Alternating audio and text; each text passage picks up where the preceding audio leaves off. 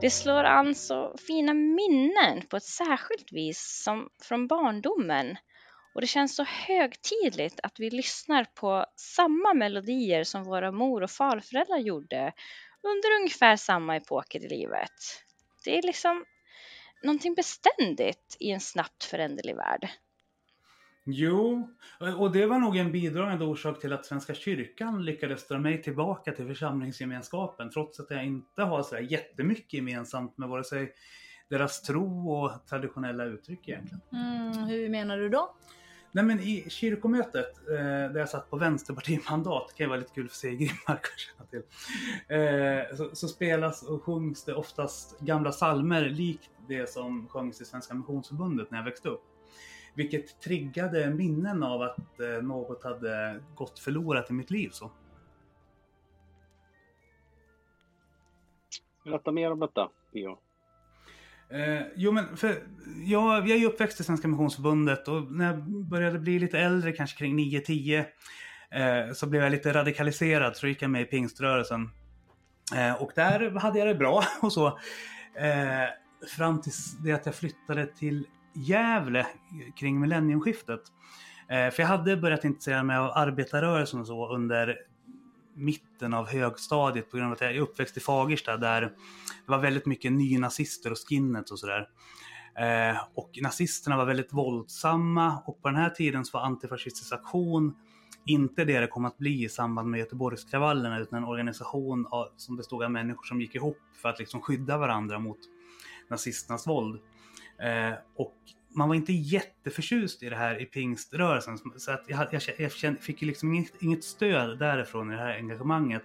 Samtidigt som jag träffade väldigt många nya vänner så inom arbetarrörelsen som liksom delade den här strävan att ja, men vi, måste, vi måste stå upp mot de här nazisterna. Det går inte att låta dem hålla på och härja så här.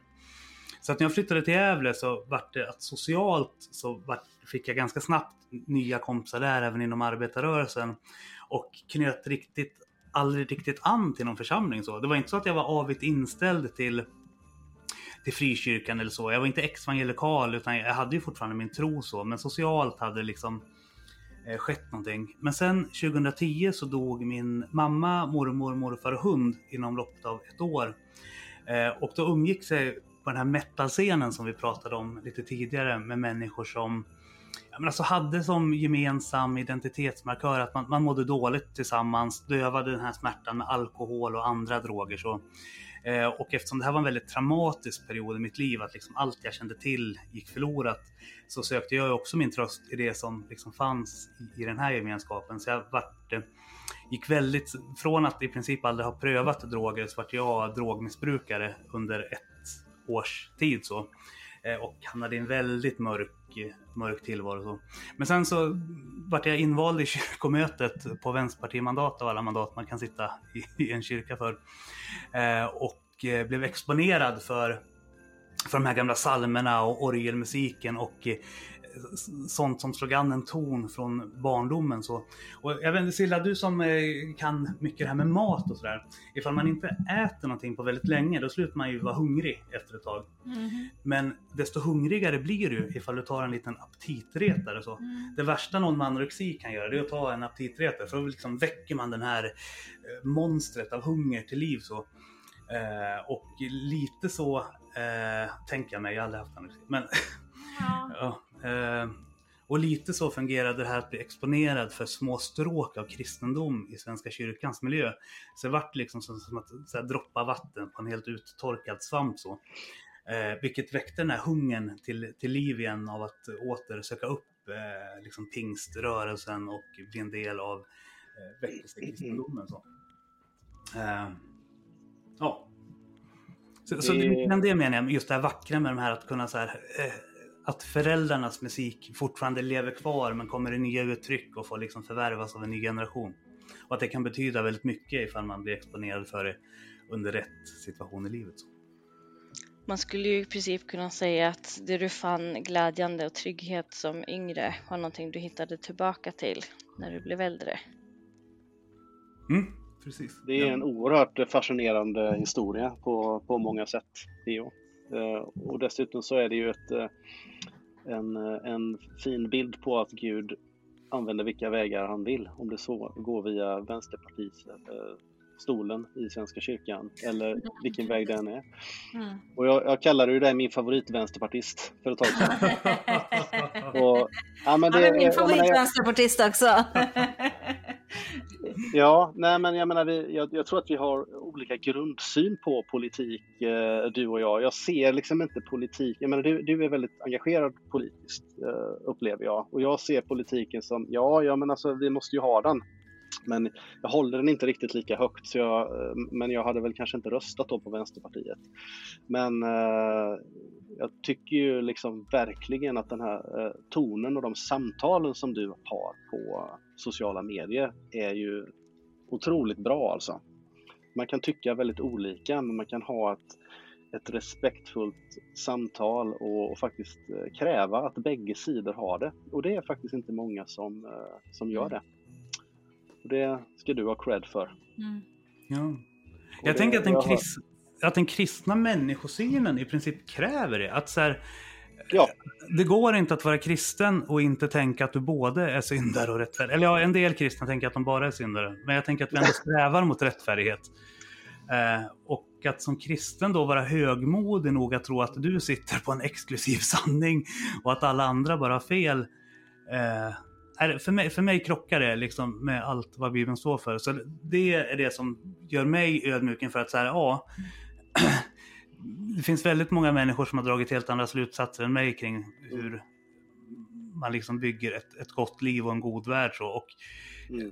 De har en del av sanningen så. Alltså, på samma sätt som jag har ett stråk av sanningen och tillsammans får vi lägga ihop de här pusselbitarna för att kunna Ja, alltså oavsett om man är väldigt övertygad om det man tänker är rätt så, så är det ju någonting av det du säger där som borde träffa oss vad det gäller liksom människosyn och ödmjukhet och så vidare. Att, ja, nej, men jag, jag är övertygad om detta, men hur bemöter jag en medmänniska på grund av det? Det, ju, det blir ju intressant. Mm. Vi, vi måste ju vara lite övertygade också när vi står och argumenterar för någonting. Men att för den skull trampa på varandra eller kalla varandra allt möjligt sunkigt. Det, det kan jag inte riktigt uh, hitta något uh, direkt uh, bibelstöd för. Mm. om man säger så. Mm. Ja, den här deplattformeringen, att man liksom inte, ja. att man inte skilja på sak och person utan tar avstånd från varann. Mm. och det ja, tänker jag säkert har varit en bidragande orsak i just det här att vi, vi håller på att bli världens ensammaste land. Inte mm. riktigt lika ensamma som Japan möjligtvis, men mm. att vi liksom har fått någon form av nyrenässans för den här helgelsesynen om att vi, så här, vi ska vara ett museum för gamla helgon och då har man inte ens kristendomen med sig ut i det offentliga rummet utan det är liksom den, den teori eller ideologi som för närvarande är dominerande som alla måste bekänna sig till på olika sätt. Och det har ju din familj om annat. Ja, jo då.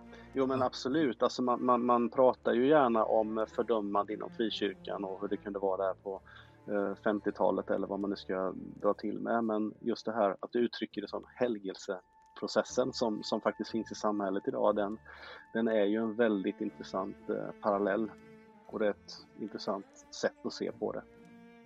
Ja. Men vi pratade lite om det här med gamla julsånger tidigare och du bjöd ja. oss på en väldigt trivsam julsalm. Så. Jag tänkte, är det några jultraditioner som ni liksom i vuxen ålder eh, har tagit med er Eh, som liksom så här, det här, det här behöver ni för att ni ska känna att det är jul på grund av att så här gjorde ni när ni var små.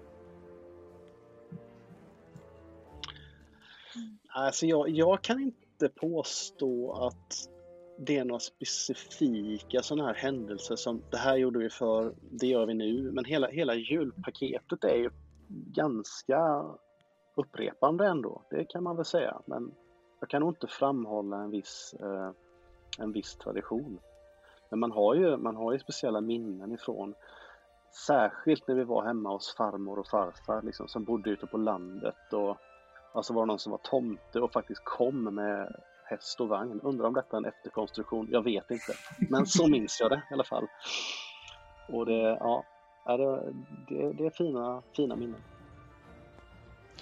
Kanske inte eh, är så mycket av en jultradition så, men en julkänsla.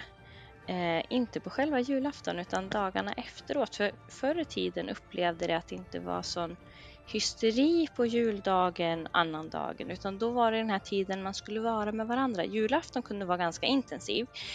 Så, som barn, man ville ju öppna julklappar, man skulle leka med sina julklappar, det skulle ätas, det var kalla, alltså allting är egentligen tids, eh, tidsbaserat på julafton på så sätt. Men sen kom ju då juldagen, annandagen, det var lugnt. Alltså det var ju en sån fridfull känsla. Man var ute och lekte, man tog en promenad tillsammans. Det var inte många som jobbade, affärerna var stängda. Och det försöker jag fortfarande uppleva, eller få mina barn, eh, alltså just den känslan att man gör någonting gemensamt, liksom som familjen. Eh, det tycker jag är lite tråkigt nu faktiskt när det blir sån köphysteri som det är nu i butikerna. De ska öppna klockan åtta på juldagen eller om det, med rea och hej och hå. Eh, jag förstår inte den stressen. Om jag ska vara Nej, ärlig. Alltså, julen ska inte handla om stress egentligen. Det ska Nej. snarare handla om att liksom få lite vila, få lite återhämtning, liksom kunna mm. investera tid med de man har i sin omgivning. Mm.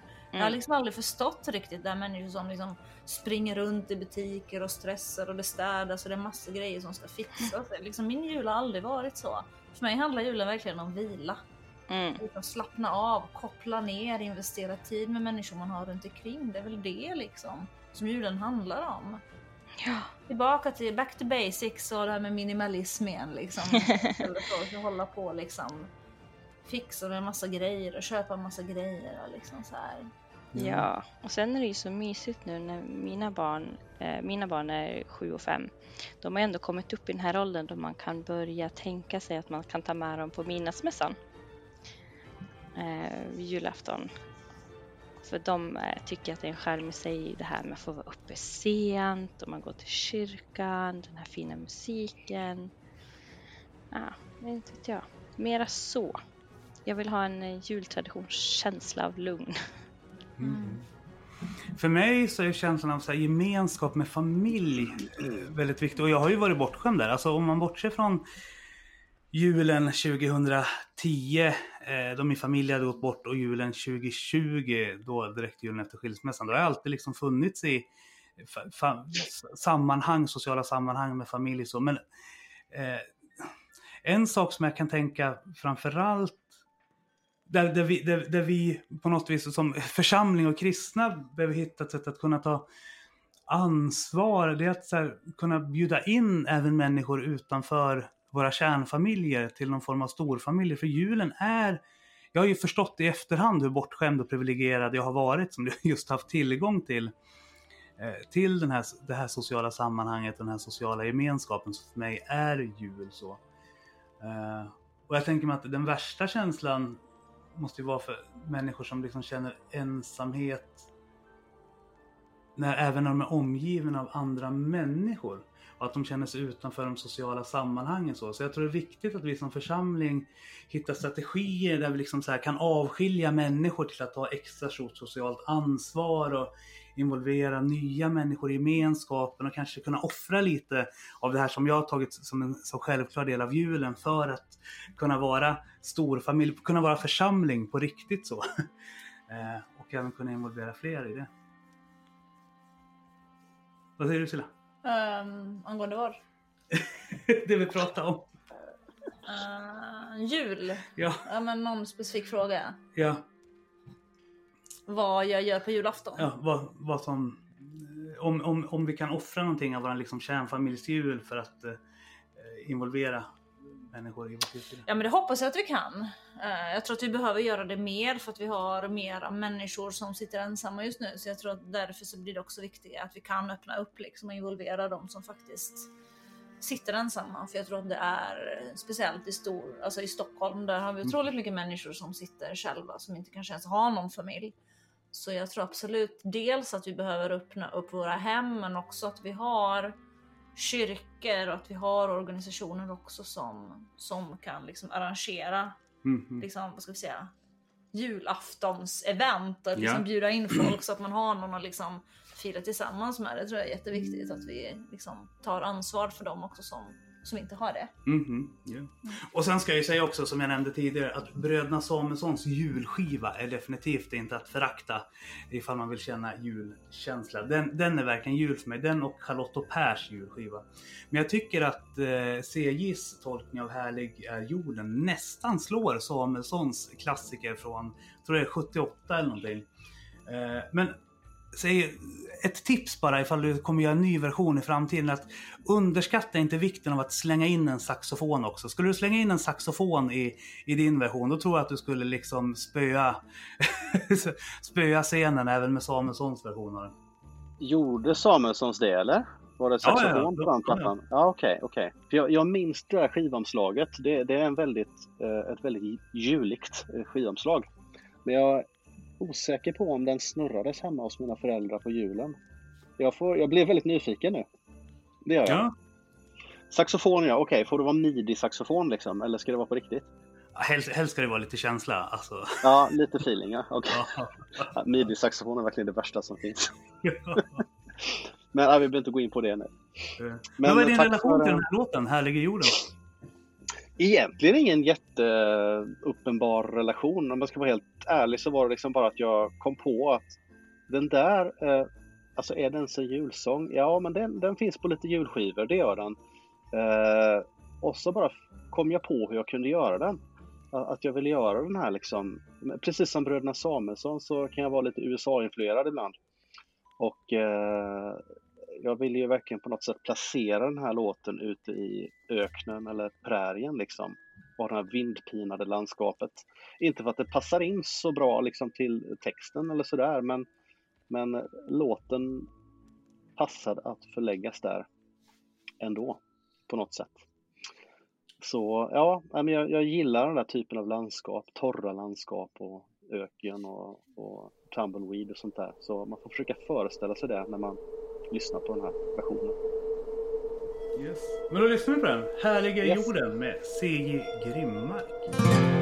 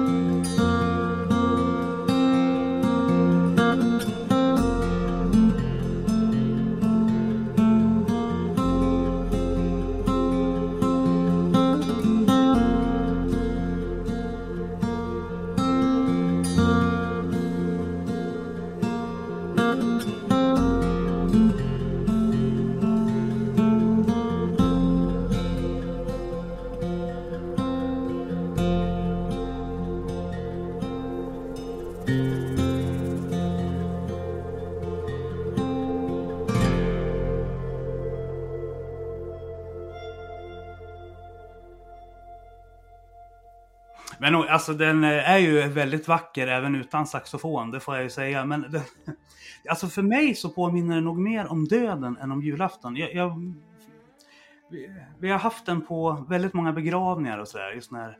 Och, och texten tänker jag också handlar väldigt mycket om himmelriket. Ja, vi har ju faktiskt bjudit in Stanley Körberg för att vi ska prata om just det ämnet. Men varför vill ni prata om döden på julafton?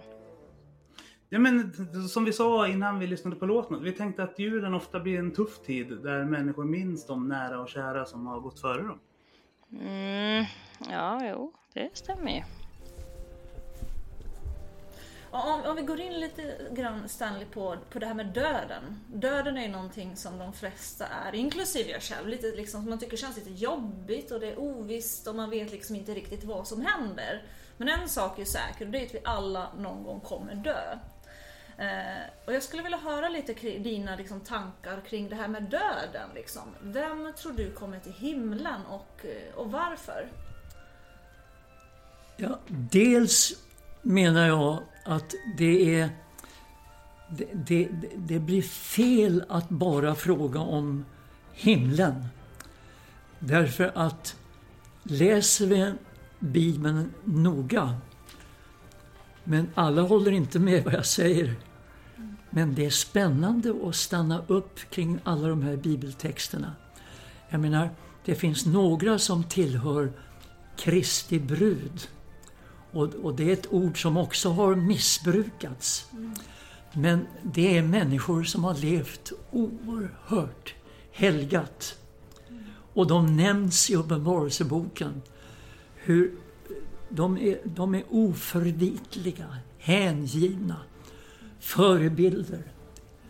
Jag tror inte på helgon, men jag tror på att det finns sådana som, som är unikt hängivna. Eh, och sen har du andra som är frälsta av nåd som har varit ganska slarviga. Och, och, men när de väl kommer över gränsen så, så tas de emot av nåd. Och där finns det utrymme för ett ganska grundligt bibelstudium. Det är inte så enkelt. Ehm, utan det, det, finns en härlighet som innesluter alla människor. Men det finns många dimensioner i den här frågan. Och jag tror att man ska vara försiktig med att vara kategorisk. Det här fordrar ödmjukhet. Och men även jag själv, för ungefär ett år sedan, då, då var jag så nära så att både Kerstin, min fru, och döttrarna, som även är sjukvårdskunniga, väntade att vilken stund som helst så går han över gränsen. Nu lever han inte länge till. Och jag var väldigt nära. Och då hade jag bara en bön. Att få bli mottagen. För det är inte självskrivet någon gång. Jag menar, av nåd bli mottagen. Tack vare Jesus, tack vare försoningen. Och, och, men inte på grund av vad jag har gjort och strävat efter, men nåd. Och det citerar vi ofta. Att av nåd. Eh, och jag tror att nåd är ett enormt stort hav av kärlek. Mm. Men du får ju även utveckla att eh, det finns ju människor som har eh, levt väldigt fel. Och eh, man kan inte bara säga att nu är ni välkommen in i himlen. Utan det finns en, en tid av, vad, vad kallar du det? Um... Nej men det är, det är områden som vi inte ens ska försöka veta. Utan vi kan fundera och spekulera. Och i detta så håller vi oss fast vid korset, vid Jesu försoning. Eh, men du nämnde tidigare att du hade haft eh, Corona här eh, för något år sedan. Ja. Att du var nära då att gå över gränsen som du uttryckte det. Många av våra lyssnare, eller många, men en del i alla fall som sitter och lyssnar har ju haft eh, nära och kära som har, har lämnat dem under, under det gångna året. En del har varit eh, överlåtna kristna och, och troende så. Andra kanske inte har varit det så tydligt uttalat. Men jag har ju hört eh, predikningar av dig eh, där du menar att eh, människor kanske kommer få en andra chans att ta emot Jesus efter det, det här livet. Och ni får gärna båda utveckla lite grann hur ni tänker där. Ja, om jag ska börja så det viktigaste kring de här frågorna är att inte vara övertygad och bestämd, kategorisk och säga ”jag vet”. Eh, men jag tror ju på, och det har jag predikat och jag har skrivit om det. Jag tror att det finns en nåd som gäller alla människor. Eh, men vad är det för ord? Jag kan inte komma på det. Eh, eh som, ja, eh, att de kommer... Å, återupprättelse eller? Ja, de... Nej, jag ska inte uttrycka mig för jag kan inte. Det, det här, alltså det här... Ånger, en tid av ånger, en tid av omvändelse. Ja, just det. Ja. Men det, det finns också dimensioner här av upptäckter. Oj, är Guds nåd så stor? Um, Om man tar till exempel Hitler och Putin och alla dessa eh, jag menar, de kan inte bara Nej. i himlen. Mm. De måste ju verkligen... Renas av Guds eld ja. och rehabiliteras. Ja, och jag tror att det finns en, eh, inte eh, ordet helvete, men det finns en förvaring. Mm. En rehabiliteringsplats. Kan, våra vänner i den romersk-katolska kyrkan ja. eh, som har en lite mer universalistisk frälsningssyn kanske. De menar en del av dem i alla fall, att just skärselden ja. är en plats där du gör upp med din egen synd. Ja, precis. Och, och desto kortare du har kommit då på lärjungaskapets ja. väg och lärt känna Jesus, desto mer behöver du göra upp med i dig själv och i din egen identitet innan du är ren att kunna komma in i himlen. Precis, precis. Ja, det där, där är jag inte överens. Äh, Och jag har läst ganska ordentligt om skärselden. Ja. Mm. Och um, det, det är alltså Jesu försoning när han dog på korset och uppstod för vår frälsning. Ja. Det är tillräckligt för oss alla. Ja. Men man kommer in på områden... Jag, jag har ju sett bibelsammanhang som är överraskande underbara. Men jag har fått så mycket stryk av teologer och präster och predikanter så att jag nästan inte vill ta upp den frågan så här spontant. Mm -hmm. eh, ja. Nej men alltså, jag måste också säga att vi har kommit till en ålder nu. Vi kan inte uttrycka oss som vi har kunnat. Mm -hmm. det, det, det, är någonting som är blockerat. Mm -hmm. Ja, det, det, här är... Det här är Även Stanley tycker jag är inte så klar som han brukar vara. Nej. Ja. ja. Men eh, jag tänker att jag och Silla får tacka så mycket ändå för att ni tog emot oss här idag och bjöd på så fina bullar här och eh, pommac och kaffe. Ja. Ja, men jätteroligt att träffa er båda. Ja. Verkligen. Ja. En, en sista fråga till våra lyssnare. Vi heter ju Kristna Datingpodden och ni har ju ett långt och lyckligt äktenskap ja. bakom er har jag förstått. 62 år har vi varit gifta. 62 år! Ni, 62 ni är verkligen ett föredöme för ja. oss då. vad, vad är hemligheten? Hur, hur lyckas man hålla ihop så länge i en samtid där kärlek och relationer verkar ha snarare blivit något man konsumerar? Ja, jag, jag är lika kär i Stanley nu som jag var när jag var ung. Jag, det är bara underbart att se på honom, tycker jag. Det är, det är stor nåd, men också väldigt viktig detalj med öppenhet, samtalet eh, och att inte landa i tystnaden. Nej.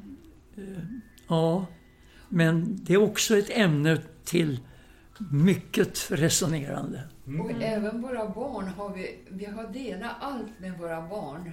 Så även de svåra situationerna vi har varit i har de fått del av. Men eh, vi har, det har varit ärligt och riktigt och de har tagit emot det på rätt sätt. Ja. Mm. Så, så ditt viktigaste råd är att se till att aldrig sluta prata med varandra? Ja. Att alltid ha en ja. pågående dialog? Och där försoningen och förnyelsen är viktig. Mm. Ja. Du nämnde ju i ett tidigare samtal vi hade om just det här vikten av att kunna säga förlåt. Mm. Som ja. Jag tänkte också på det, förlåtelse. Jo. Är det en hemlighet som jo, men det är det också ju. haft i... Mm. Men vi, det, det, ingen tror oss om vi säger att vi aldrig varit ovänner. För jag skulle inte kunna bli ovän med Stanley. Det, det, det är någonting som... Mm. Nej, det går så emot så att... Mm. Det finns ögonblick när hon kan bli upprörd på mig. Ja. ja, men vi har olika uppfattningar om saker och ting. Och mm. då, men eh, det är inte så att vi kommer i bråk. Nej. Det har aldrig hänt. Mm. Aldrig. Mm. Och det är för att ni pratar hela tiden då, förstår jag? Och, ja, vi, ac in, vi accepterar varandra mm. som vi är. Och, eh, och sen ofta så Ja, jag får ändra mig och Sten ändras och vi kommer ja. i harmoni. Mm. Så acceptera varandra och prata med varandra. Ja. Då kommer man långt med. Ja. ja. Nu har ni fått nog. Ja. Tack så jättemycket båda två. Men Sei, vad är dina tankar kring döden? Ja, alltså jag tänker nog inte jättemycket på, på döden så, men, men det är klart att döden kan vara skrämmande så sätt att man vet ju inte hur det går till. Liksom.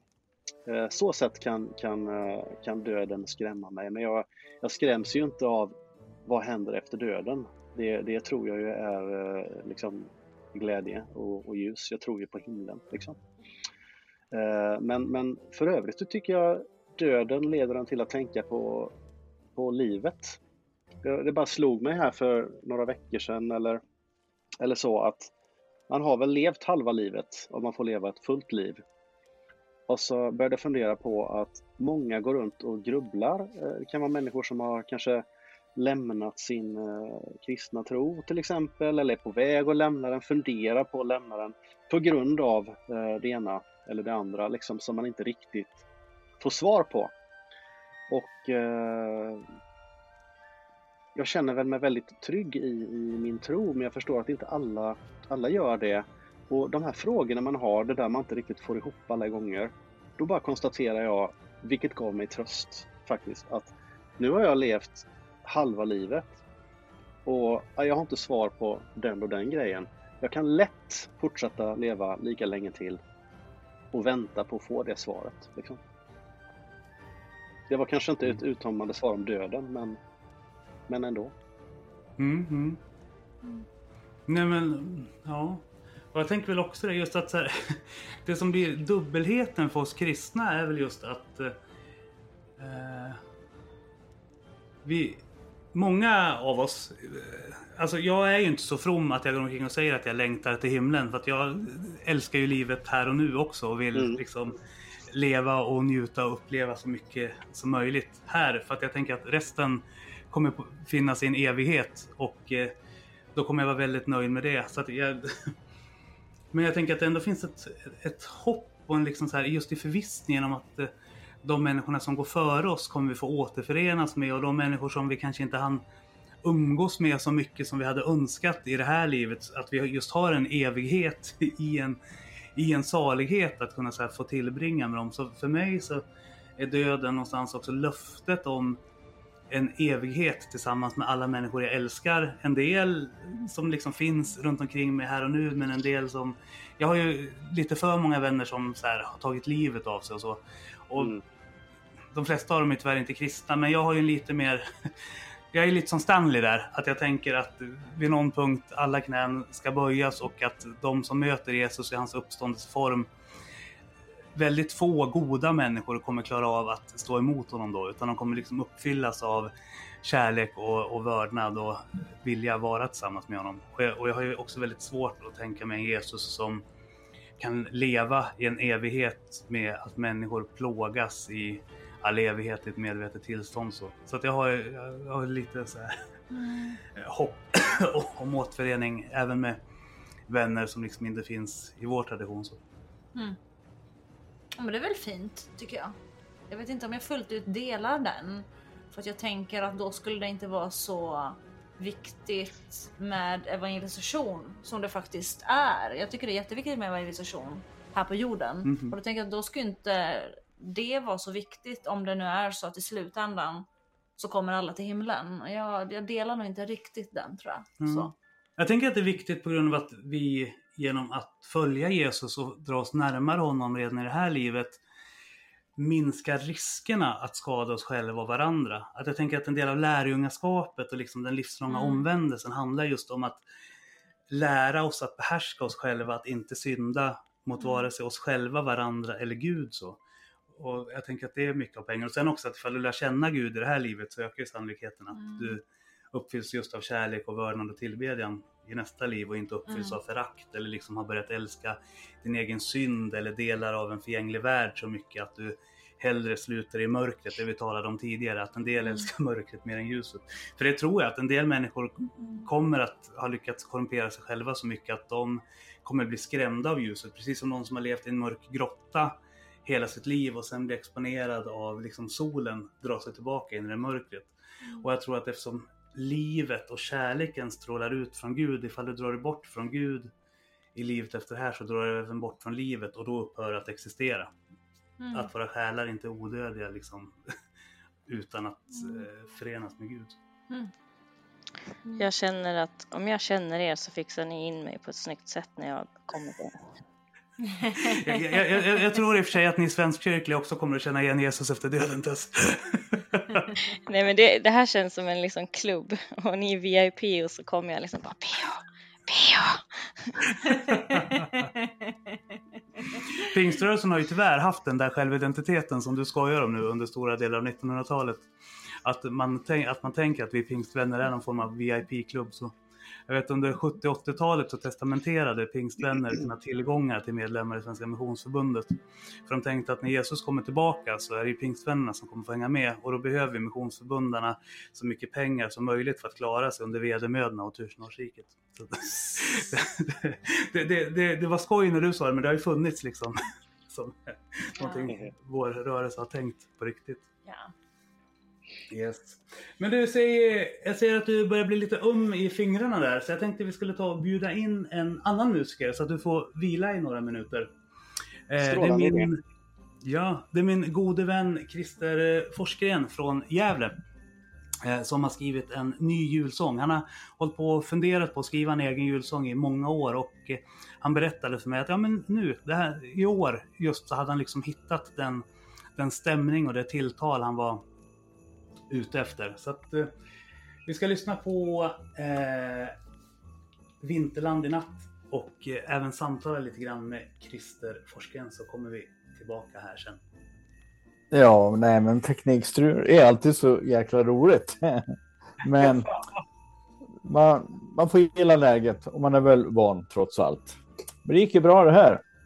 Ja, precis. Men ja. vi tänkte att vi skulle kanske få vara förskonade från teknikstrul på själva julafton, men inte ens det.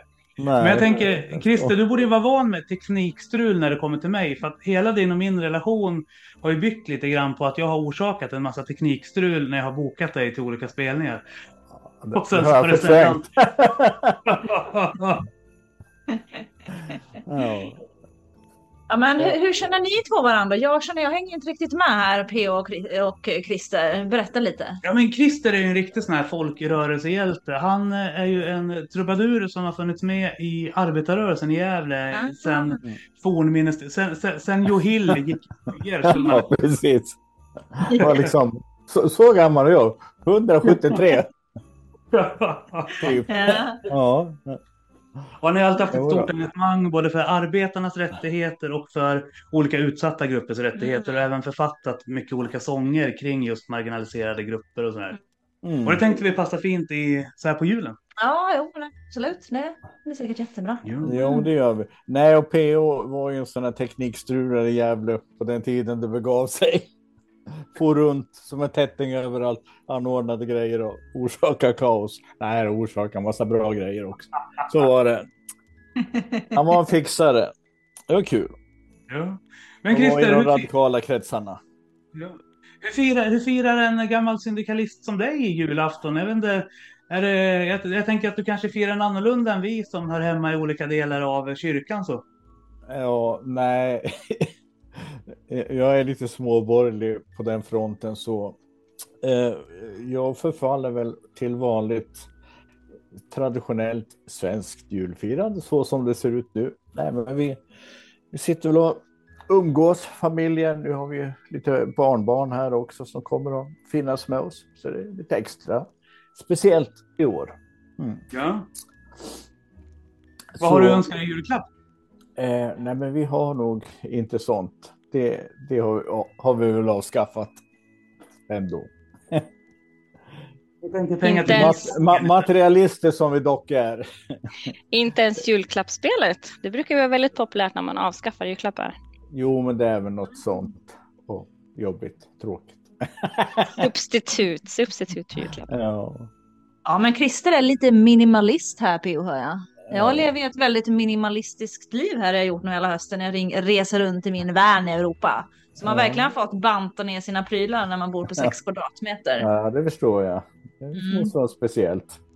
Ja, men, mm. men uh, glädjen ligger faktiskt inte i alla prylar. Utan det är faktiskt Nej. gemenskapen med människor. Det är där lyckan Ja, precis. Min, min, min ena dotter som bor i, i Norge, hon är lite inne på det där. Hon ska byta sin bil mot en typ av firmabil sån här, så, så, hon kan bo och åka. Då kan hon ha sina skidor och allt sånt där som hon alltid har med sig och åka runt och bo i sin lilla bil. Så, ja, mm. Kanske grejen. Mm. Men Christer, nu när jag har med dig och kan få lite stöd från vänsterhåll mot Silla och Tess här. Är ja. en, alltså, kan inte du hålla med mig om att det här med minimalism är lite småborgerligt? Att just den här drömmen om eh, att ha lite saker. Man måste liksom vara borgerlig för att tycka att det är någonting att sträva efter. För det betyder ju att man kommer från någon form av bakgrund där man har haft mycket Ja, men absolut. Jo, men det, det, det det ligger någonting i ditt resonemang. Så är det. Det är väl en, en, en sån lite för den ängsliga medelklassen att ge sig åt. Nej, det känns bara mycket skönare i själen om man inte har så mycket klotter runt omkring. Det kan vara stressande i sig. Jo. Pio, du kanske behöver ta bort lite klotter. För någonstans måste ni ändå hålla med om att det är ju inte liksom alla prylar och pengar och allt sånt gör ju inte oss lyckliga. Lyckan ligger inte där. Letar man efter lyckan där så letar man nog på fel ställe tycker jag. Nej, mest prylar när man dör vinner. Är det ja. inte så? nej, nej, nej. Jag cyklar här.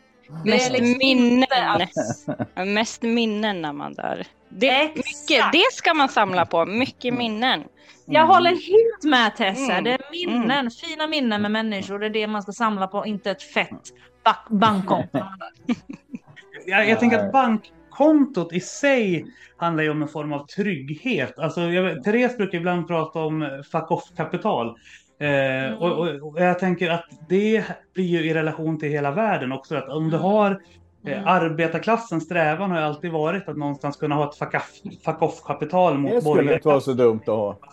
Att inte behöva sälja sin arbetskraft till eh, någon annan för att kunna överleva. Nej, jag, jag, såg på nyheterna här nu för någon timme sedan. Då var det någon som skulle få ett rejält sånt, men han. Någon ska få 180 miljoner i månaden för att spela fotboll.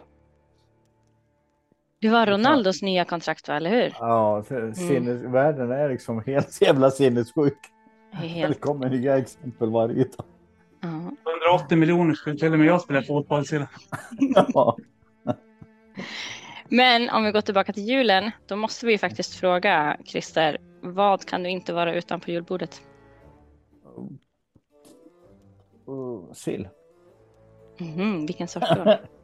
Alltså kan det av er som kan förklara för mig det här med sill? För jag har inte fattat det. Ni Sverigesvenskar, ni är så här, ja julen, vi plockar fram sillen. vi plockar fram sillen. Midsommar, vi har inte tröttnat på sillen än. Låt oss plocka fram den en tredje gång. Alltså ni tröttnar aldrig på sill eller? Nej. Vet du vad, jag ska förklara det där för dig sen. Också bra. Nej, men det... Grönkål gott. Men vilken sill är det du föredrar då? Jag vet inte. Jag har väl ingen sån här favorit egentligen. Senapssill? Det blir någon mix. Nej, inte senapssill. Någon, någon mer traditionell vanlig inlagd. Med något oh, lite annorlunda till. Mm. Gör du... sill gillar jag. Ja, det är gott. Mm. Mm. Jo, men du förstår Silla, så här var det att mm. många i andra länder när det kommer till högtider, de tar fram sin finmat. De gör det till en lite borg, borgarfest om vi ska säga så. Medan vi i Sverige håller på våra traditioner och kör fattigmat. Ja, det är bra att det finns några traditioner kvar i Sverige må jag säga. vi tar ju sånt, vi tar ju sånt. Tradition. Vi tar ju sånt som Jag har ju missförstått. Hon, hon tror att vänstermupp är samma sak som centerpartist. Och det vet ju du och jag Christer att det är inte. Nej. Nej, verkligen inte. Men hur har du hamnat i det där sällskapet då P.O. Jag är lite nyfiken på det. det kommer han att klippa bort. Det är inget fel på er tjej, inte så. Missförstå mig inte. nu tycker jag vi ska hitta julglädjen här igen. ja. För du har ju faktiskt gjort något väldigt fint Christer. Du har ju faktiskt gjort en julsång. Ja, det har jag gjort. Lyssnade på den här innan. Den var väldigt, väldigt fin. Hur, berätta lite. Hur, hur fick du idén till den och varifrån eh. har du hämtat inspirationen? Ja, nej men alltså i, i, idén det var att jag ville göra, för, för det är ett par år sedan, sen vart jag aldrig klar, så ville jag skriva en julsånger är så glättiga och lite skitjobbiga, rent ut sagt. Jag gillar ju inte det. Eh, så vill jag skriva en lite vemodig julsång. Men jag fick aldrig till, med ett humanistisk touch. Så. Men jag fick aldrig till det. Sen så i år så, ja, då dök det Och nu är det väl kanske omvärldsläget som är ännu mer tillspetsat än för två år sedan, trots allt. Eh, även om mycket var sig likt, men med krig i Ukraina ännu mer galopperande klimatkaos och så vidare och så vidare. Sånt som är kul att höra på djuren. Så var det väl läge att då föll allt på plats. Så, så. Och då ville jag väl ha något sorts, det var inte så vemodigt, men var mer liksom hoppfullt. Trots allt. Jag är ju en hoppfull människa fast jag kan vara lite negativ. Alla är vi väl lite komplexa. Mm. Ja. Vart Va? köper du? Eller ja, Tess. Nej, köp först du. Varsågod. Nej, men för, jag är lite nyfiken på vart eh, lägger du ditt hopp i? För att, som sagt, jag uppfattade också att den här julsången var väldigt hoppfull så. Och jag vet ju att du eller jag tror mig veta i alla fall, att du inte har några så kristna undertoner när du skriver dina låttexter. Så att det här finns, allt det här är ju i mitt huvud. Men när jag lyssnade på texten just där, vi människor som bryter och delar bröd tillsammans. Jag fick ju en massa kyrkliga associationer som jag relaterar till våran, våran subkultur. Så. Jo, men jag, jag, jag har ju någon i, i ett mörkt hörn i min ungdom. Så hade jag väl ett engagemang i baptiströrelsen faktiskt. Ja, kanske där. Ja. Så det kanske finns sådana spår. Även, ja. ja. Så.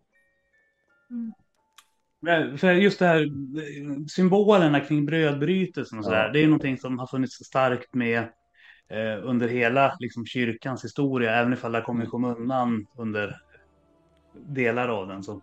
Ja, men absolut. Nej, men så, så nej, men jag, och, och, så har jag väl såklart vänner som är engagerade.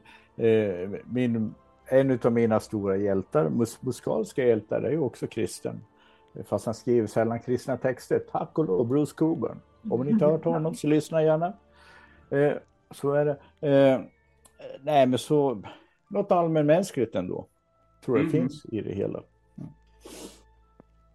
Men skulle du säga att du sätter ditt hopp till mänsklighetens inneboende godhet så när du pratar om, alltså när du ja, tänker på... Jo, men så är det väl. Någonstans vill man, även om man börjar bli mer och mer cynisk med det, så vill man väl ändå inte släppa den där lilla, lilla gnuttan av att människor ändå är som bäst när man samarbetar och gör saker.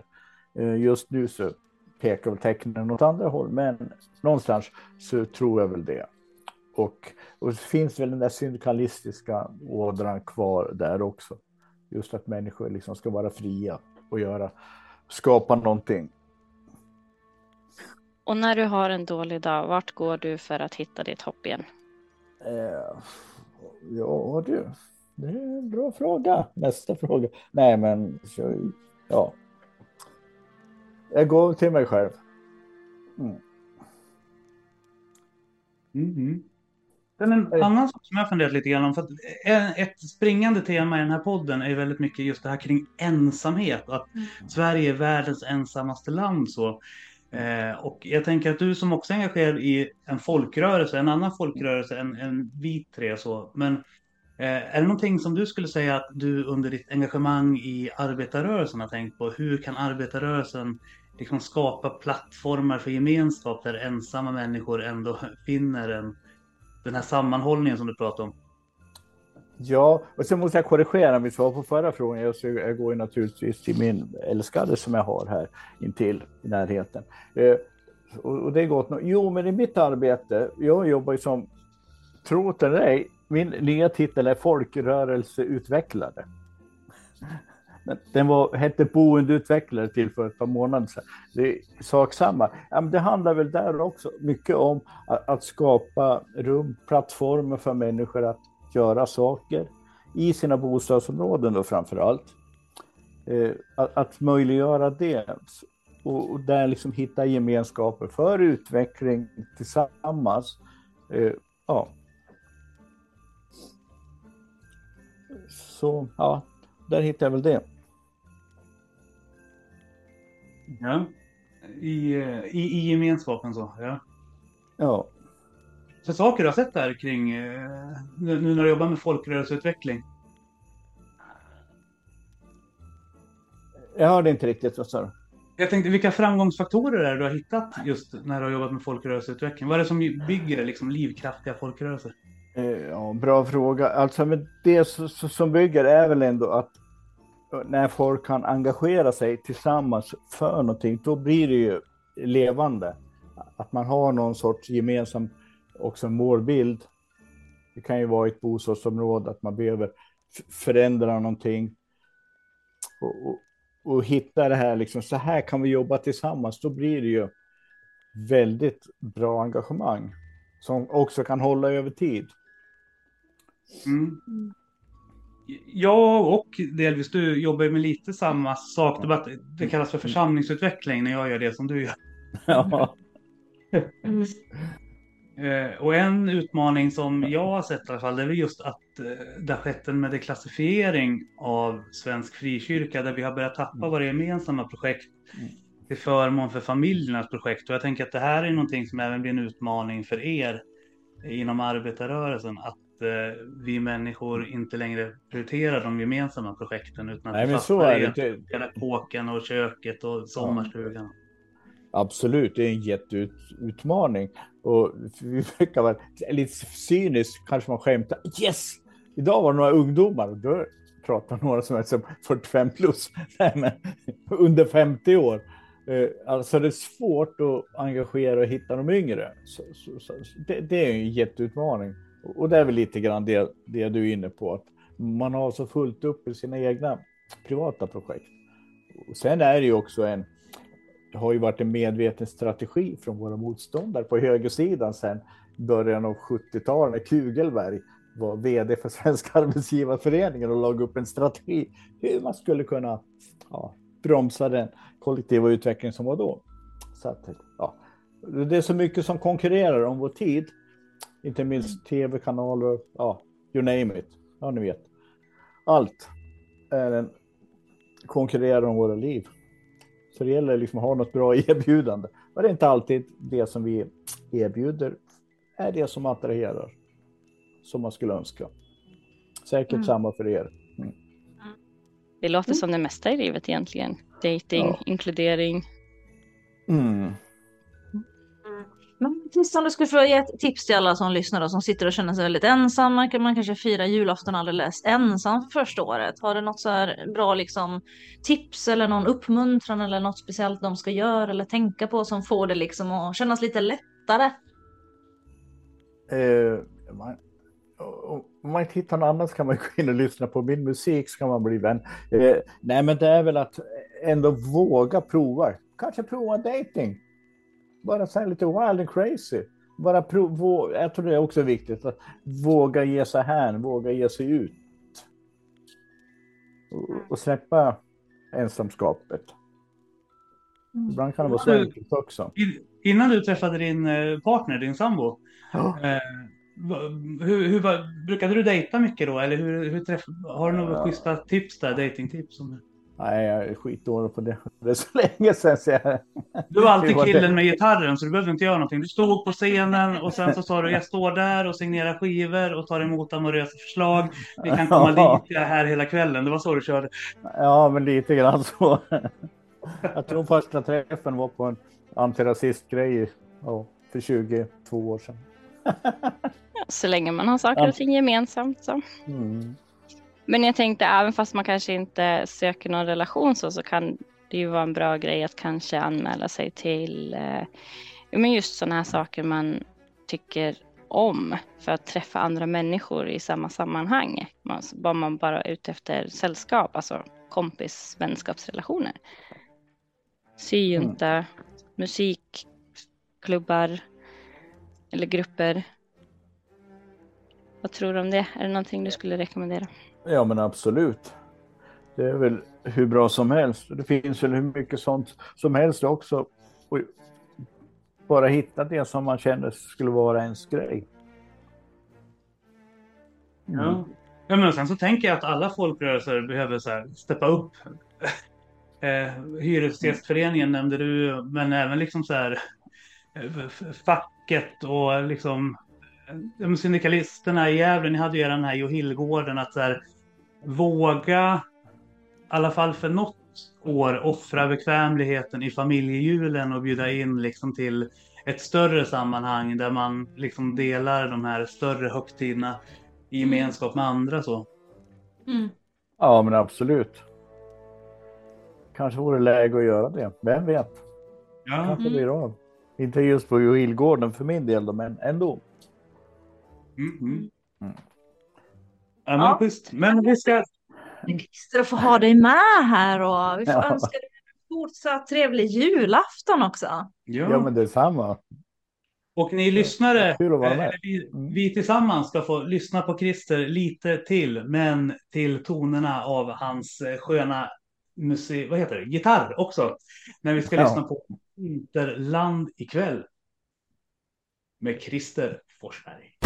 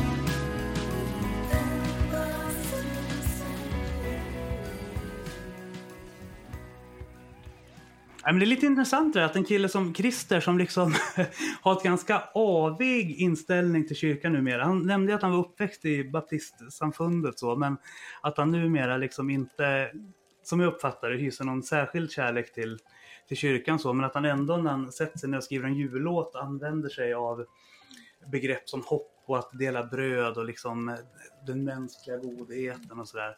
Men att för honom så har Gud blivit eh, vad som händer när människor samarbetar med varandra i solidaritet. Så. Eh, och jag tänker, kan vi ställa en liten intressant fråga. Vad är Gud för er? Vad är Gud för dig Silla? Mm, det är en bra fråga. Det, det är ju så, mm, jag skulle säga att det involverar så väldigt många olika dimensioner och så väldigt många olika saker. Dels är han ju liksom vår mm. frälsare, han är vår far, han är vår liksom pappa pappa som man alltid liksom kan vända sig till. Alltså var man än, man kan komma med precis allt. Han är ju liksom, ja, men han är hela världens frälsare. Han är liksom, han är någon som alltid finns där, någon som man alltid kan vända sig till, någon som alltid har funnits, någon som alltid kommer att finnas. Någon som man alltid liksom kommer att ha vid sin sida vad som än händer. Um, det, alltså gud, det är så stort så jag vet liksom inte ens hur man liksom ska hur man ska beskriva det. Men han är ju liksom, han är ju allt egentligen. Han är ju någon som alltid kommer finnas med. Uh, någon som alltid vet allt. Han är liksom skapad men han vet ju allt. Han vet ju mer om mig själv än vad jag själv vet om mig själv. Mm, mm, mm. Och det är ganska stort också. Uh, så alltså, st alltså, Guds storhet liksom. Alltså han är så otroligt stor och jag tycker ibland det kan vara väldigt svårt att ta in det där liksom. Hur stor Gud egentligen är. Han är ju egentligen allt. Men det på något vis kan det vara för stort för min hjärna ibland, liksom omfamna liksom. Vem är Gud egentligen? Mm -hmm. Jag har inte riktigt förstått egentligen storheten i det, men jag ska vara helt ärlig alla gånger tror jag. Mm. Nej men det tänker jag också kanske att jag inte fullt ut, det tror jag ingen människa fullt ut förstår vem Gud är. Samtidigt, mm. jag känner ju en enorm trygghet i att kunna luta mot hoppet om att mm. det finns liksom himmel, jorden, hela världens skapare har dels skapat mig och kan känner mig och vet vad som är bra för mig. som jag nämnde tidigare, precis som Christer så är jag gammal syndikalist, alltså anarkist. Jag har jättesvårt för mänskliga auktoriteter. Mm. Eh, eftersom jag inte litar på människor. Jag uppfattar att människor oftast är ganska korrupta och gärna vill framställa saker som att det är gynnsamt för dig när det egentligen är gynnsamt för dem. Men att mm. med Gud är det ju inte så. Han säger inte till dig att göra mm. någonting för att det är gynnsamt för honom och inte för dig. Utan alla hans råd till dig, det är ju som, som du sa, en, en mm. förälder. Alltså, eh, han ger ju oss råd och vägledning utifrån vad som är bra för oss. Hur vi ska kunna leva ett så bra liv som möjligt. Både för oss själva men också mm. för våra medmänniskor och vår omgivning. Så. Tess, vad säger du? Ja, alltså jag läste en sak här på internet som var väldigt intressant. Det är en metafor. Och om inte jag återberättar den helt eh, på samma sätt som jag läste den så ber jag om ursäkt. Men den menade att Gud är som vatten. I och med att vi består av vatten vi behöver vatten för att överleva. Vatten finns i allt. Vatten ger liv. Vatten finns i olika former. Det är ingenting man tänker på egentligen förrän man behöver det. Ja, jag sa ju det, jag kan inte riktigt återberätta det på samma sätt, men, men eh, det är en så viktig del av vårt liv utan att vi tänker på det. Den finns där, den ger trygghet. Jag menar, fryser jag så går jag och tar en varm dusch. Eh, studier visar att vissa som är väldigt ensamma tar en mycket längre och varmare dusch för att det ska återspeglas som en kram. Eh, ja, jag kan som sagt inte riktigt återberätta den här metaforen helt till fullo, men jag tyckte att den var väldigt fin. Mm, mm. Gud är vatten. ja, ja, men allting, livet, livets liksom... Ja, ja. Jag ska, hit, jag ska hitta den och skicka till dig. Ja. Säg, vad skulle du svara på frågan? Vad, vad som är Gud för dig? Eller vad du liksom lutar mot ytterst? Så nu, har, nu har ni ju så här hemtrevliga och fina beskrivningar liksom. Så, så, vill jag komma med det också. Nej men jag, alltså jag, jag tror att jag liksom generellt undviker att definiera Gud. Eh, jag tänker liksom inte så mycket så här att ja, för mig det ena och det andra. Utan han är det han är liksom. Och jag menar han är ju han är ju början och slutet och allting skapare och gigantisk liksom. Och han är kärleksfull och helig. Nåd och sanning, liksom. Hela den grejen. Uh, han måste vara väldigt nådefull uh, om han förlåter till och med en sån som, som mig. Liksom. Alltså, jag vet ju att jag är långt ifrån perfekt men jag tror att jag hör hemma i hans famn. Uh, så ja, nej, men det, det, är ju väldigt komplext för det är så gigantiskt och stort och samtidigt nära. Att mm. vi, vi, tror ju verkligen på, på, en gud som bryr sig om oss liksom. Ja. Så ja, det är svårt att sätta ord på. Jag tänkte vi skulle försöka ringa upp Sambolin som är föreståndare för um, Pingstkyrkan i Karlstad. För han har ju också funderat mycket över det här kring vem Gud är. Och han har gjort ett bibelstudium i hyperfart. Han går igenom alla Bibelns 66 böcker för att i varje bok identifiera någon av Guds egenskaper. Så jag försöker ringa upp honom och se vad han kan säga om den här frågan.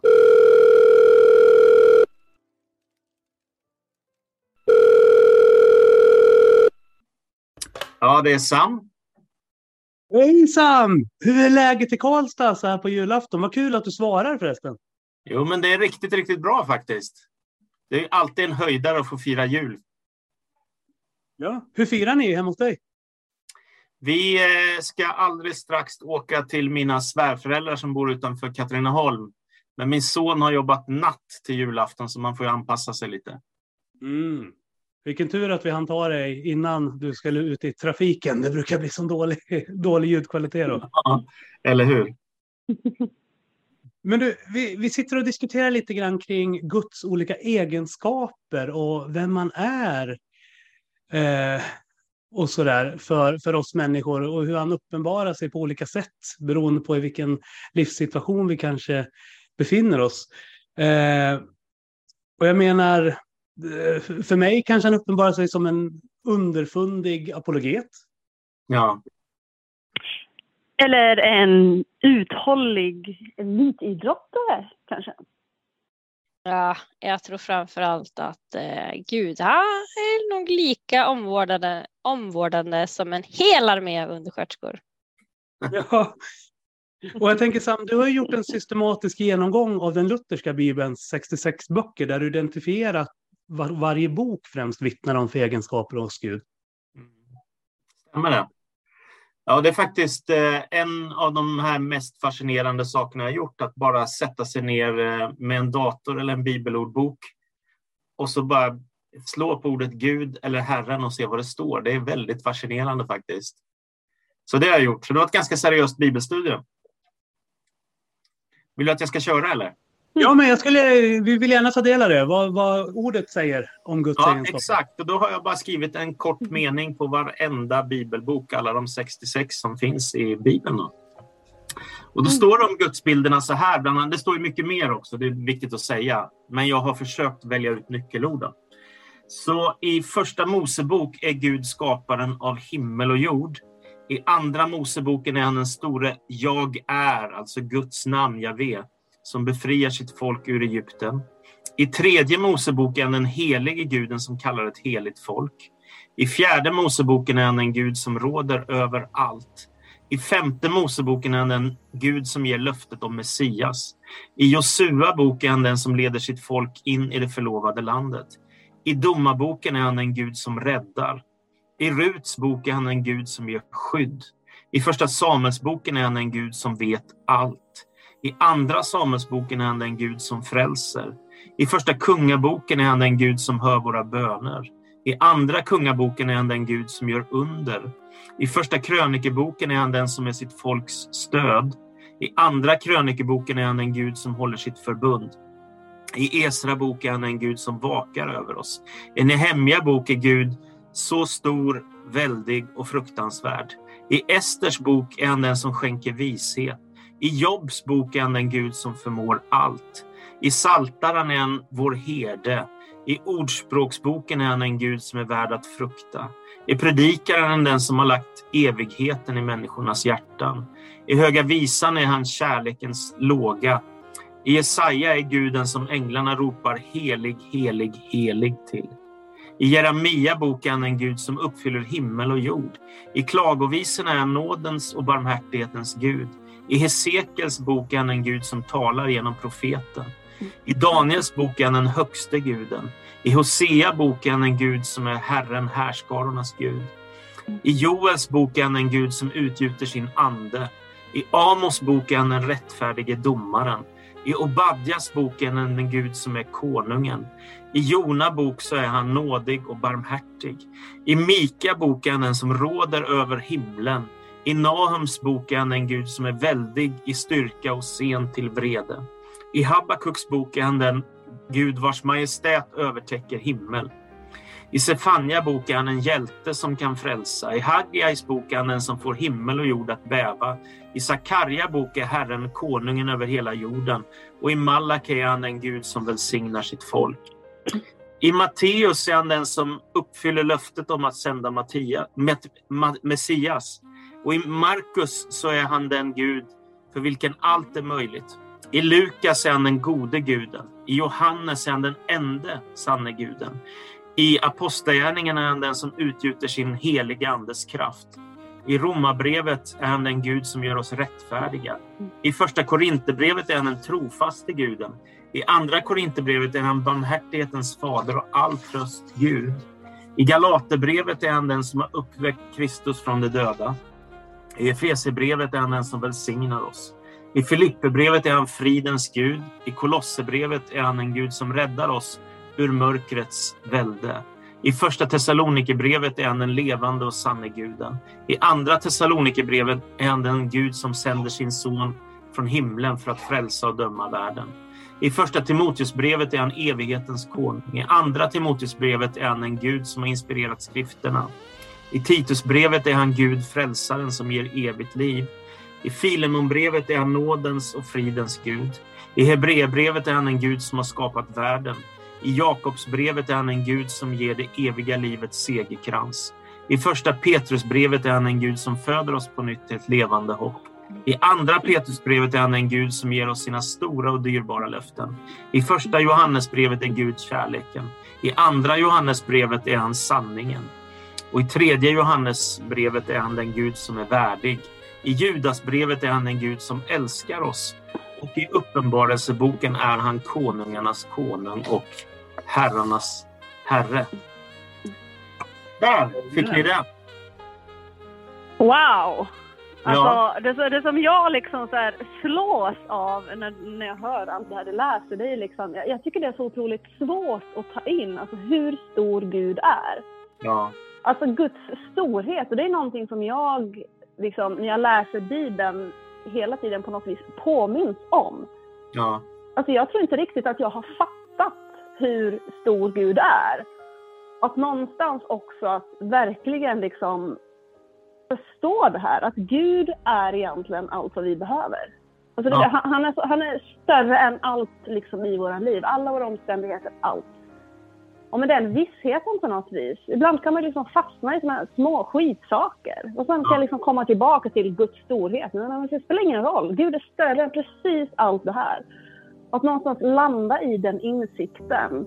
Att mm. mina små skitproblem, om man nu får uttrycka det lite så, Uh, alltså Gud är större än allt det. Om jag bara kan landa i vem Gud är och verkligen lita på att han är allt det som Bibeln säger att han är.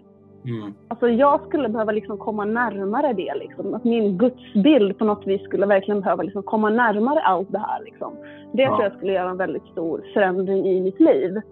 Så jag tror att jag behöver jag behöver jobba väldigt mycket med min gudsbild faktiskt tror jag. Men jag har inte riktigt förstått liksom, Guds storhet tror jag. Om jag ska vara helt ärlig.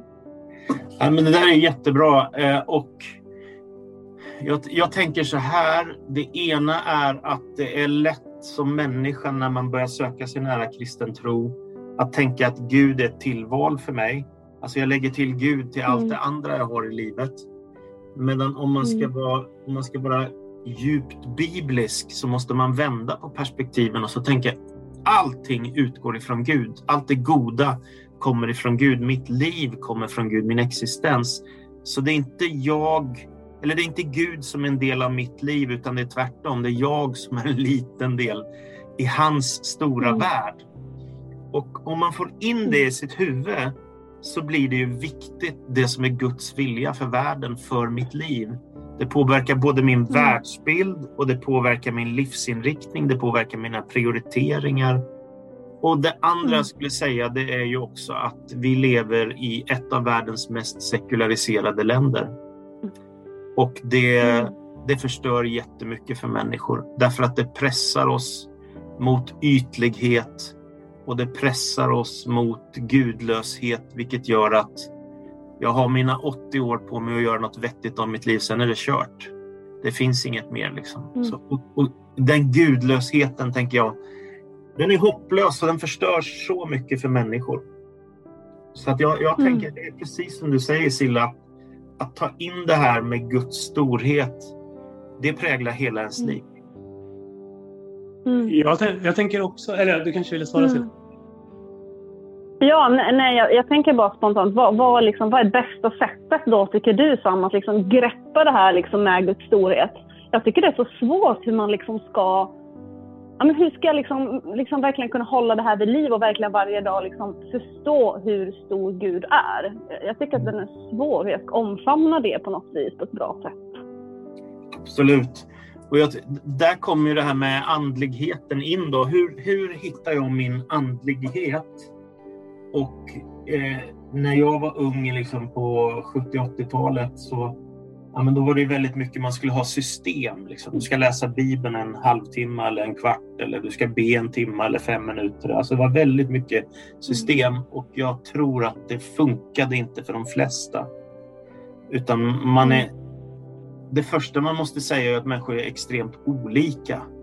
Så att jag tänker att eh, för mm. vissa människor med andlig fördjupning så är det kanske att man måste gå ut och gå i skapelsen och bara tacka mm. Gud för, för livet. Och för någon annan som mig, ni, ni, ser ju mig på bild nu och inte bara hör, så, så men jag har ju plöjt böcker. Och det gör att jag, mm.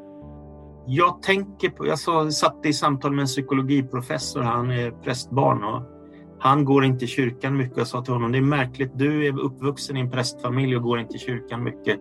Jag är inte det, men jag tänker på Gud varje dag.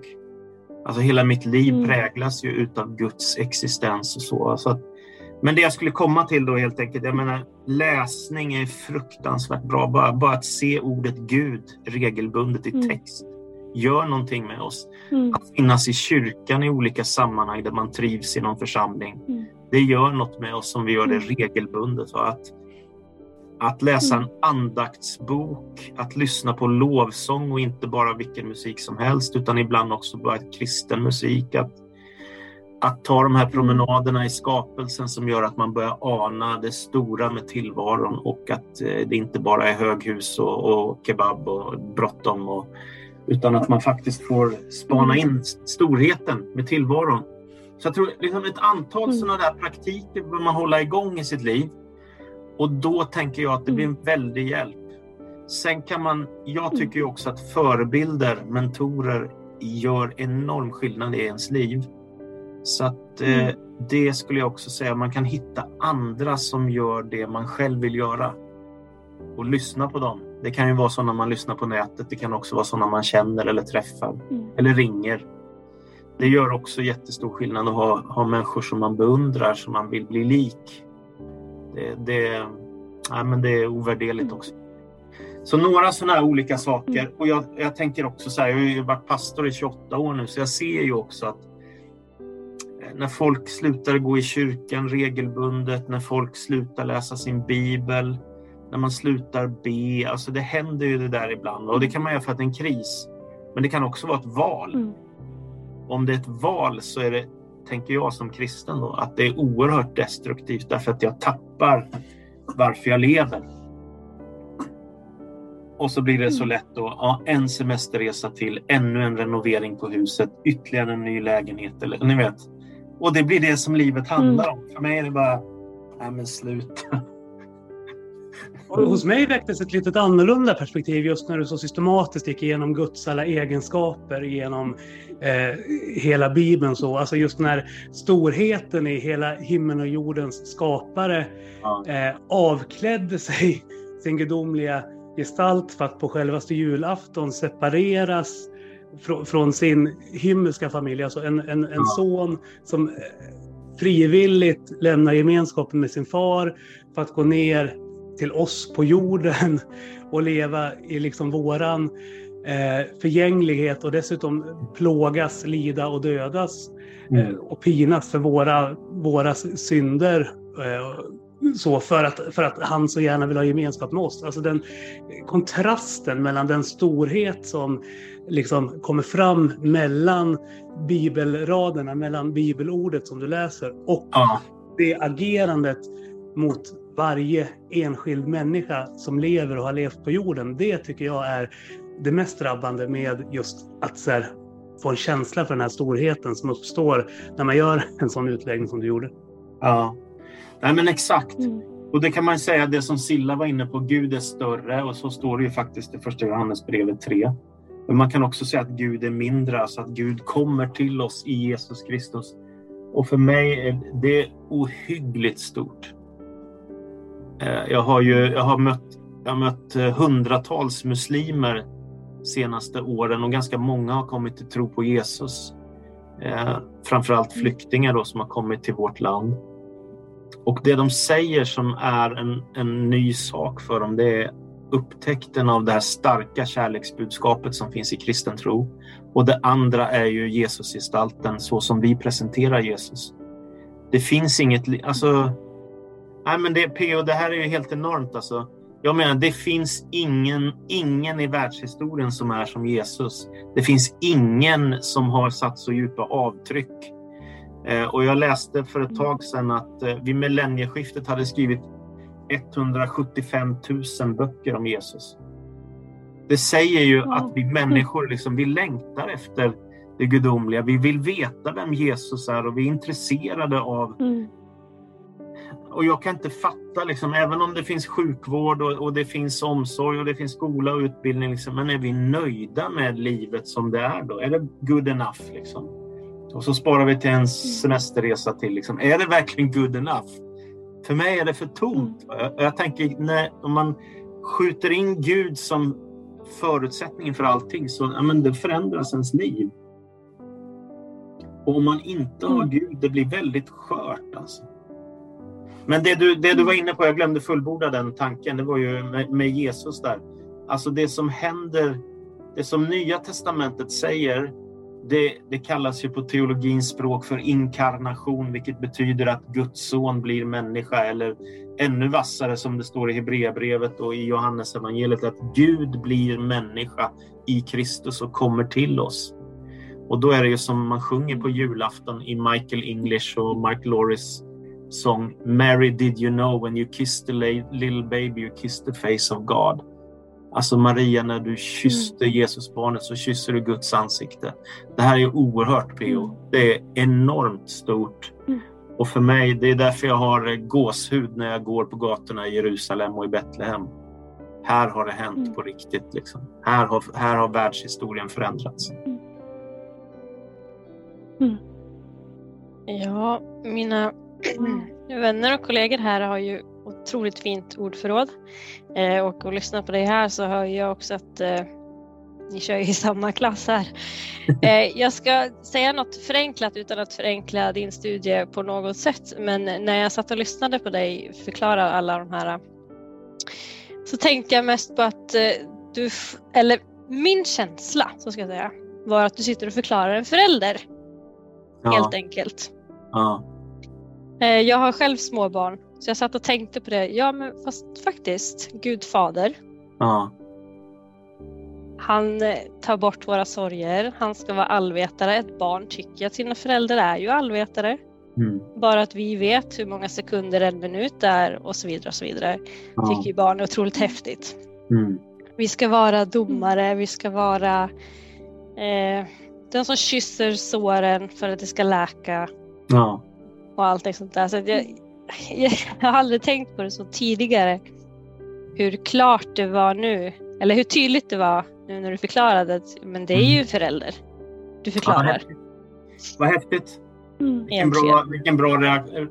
Och det står faktiskt inte bara om Guds faders egenskaper utan det står också som en moder förbarmar sig över en, sina barn så förbarmar sig Herren över de som älskar honom. Och kan en, om en, en mor kan glömma sina barn så glömmer Gud er inte. Eller något sånt där, Jesaja 49 tror jag det Så det finns också det kvinnliga, moderliga perspektivet på Gud också. Det är också rätt fa- fascinerande. Så absolut, jättebra. Det är ju verkligen det är så Jesus också lär oss att be. Vår far du som är i himmelen. Så absolut, helt rätt. Helt rätt. Yes. Men du Sam, när vi ändå har det på tråden. Du är ju inte bara pastor och spoken word-artist utan även ledare för Pingsts förkunnarnätverk och författare. Ja. Eller visst är du nationell ledare för förkunnarnätverket? Eller ett annat Nej, jag, nej, jag är en av processledarna. Vi är ett antal då, som leder tillsammans. Ah, Mm. yes. Men eh, du har ju också skrivit en bok som sagt, eller du har skrivit flera böcker. Men din Ja. senaste bok, eh, Resan mot Gud, eh, handlar ju dels om det här med att eh, Sverige är världens ensammaste land och vilka konsekvenser det på, får för eh, vårat, eh, vårat sätt att relatera både till varandra och vårt liv. Men Ja. framförallt så handlar, det, handlar den ju om ett av Sillas favoritämnen. Jajamän, precis P.O. Om hur vi som kristna är kallade till att leva ett glorious liv tillsammans med Gud. Ja. Härligt. Ja, det där låter jättespännande. Kan inte du berätta lite mer om boken? Jo, men det kan jag absolut göra. Eh, det är ett av de svåraste projekt jag gett mig in på. Jag skrev en bok som hette Själens obotliga längtan redan 2005. Så. Men sen så tänkte jag att jag vill fortsätta att skriva den här som heter Resan mot Gud, kristen i ett nytt årtusende. Och då var det två tankar som jag hade i mitt huvud. Den ena tanken är att jag tror och tror fortfarande att alla människor djupast sett längtar efter Gud. Det är en tes jag har. Den andra är ju att jag är 53 år nu och jag har ju sett hur Sverige har förändrats. Alltså när jag var ung så tror jag 90 procent konfirmerade sig i Svenska kyrkan. Alltså det var, det var fortfarande självklart. Även om inte alla trodde så var det ändå självklart att kristen tro är liksom en, en helt tydlig del av det svenska kulturen, samhället, traditionen och vad du vill. Eh, och så har vi så medvetet sekulariserats då de senaste 50 åren. Vilket jag tror är oerhört olyckligt därför att människor blir så ensamma. Människor tappar hopp, människor förlorar Gud och helt plötsligt så är det lycka till. Här har du dina 80 år, grattis! Hoppas att du får vara frisk. Hoppas att du lyckas med en universitetsutbildning. Hoppas att, ja men liksom så. Så det var de två tankarna som jag brottades med. Så första delen av boken handlar om liksom själva kallelsen. Vad, vad innebär det om man börjar närma sig Gud? Eh, och vad, vad är liksom...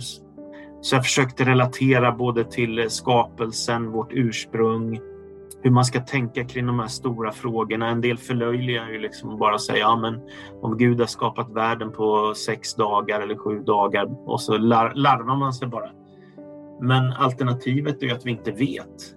Varför i hela världen finns vi och det räcker ju inte med att säga evolutionsteorin för det är ju bara en förklaringsmodell för hur livet har utvecklats. Det finns, säger ingenting om varför vi finns.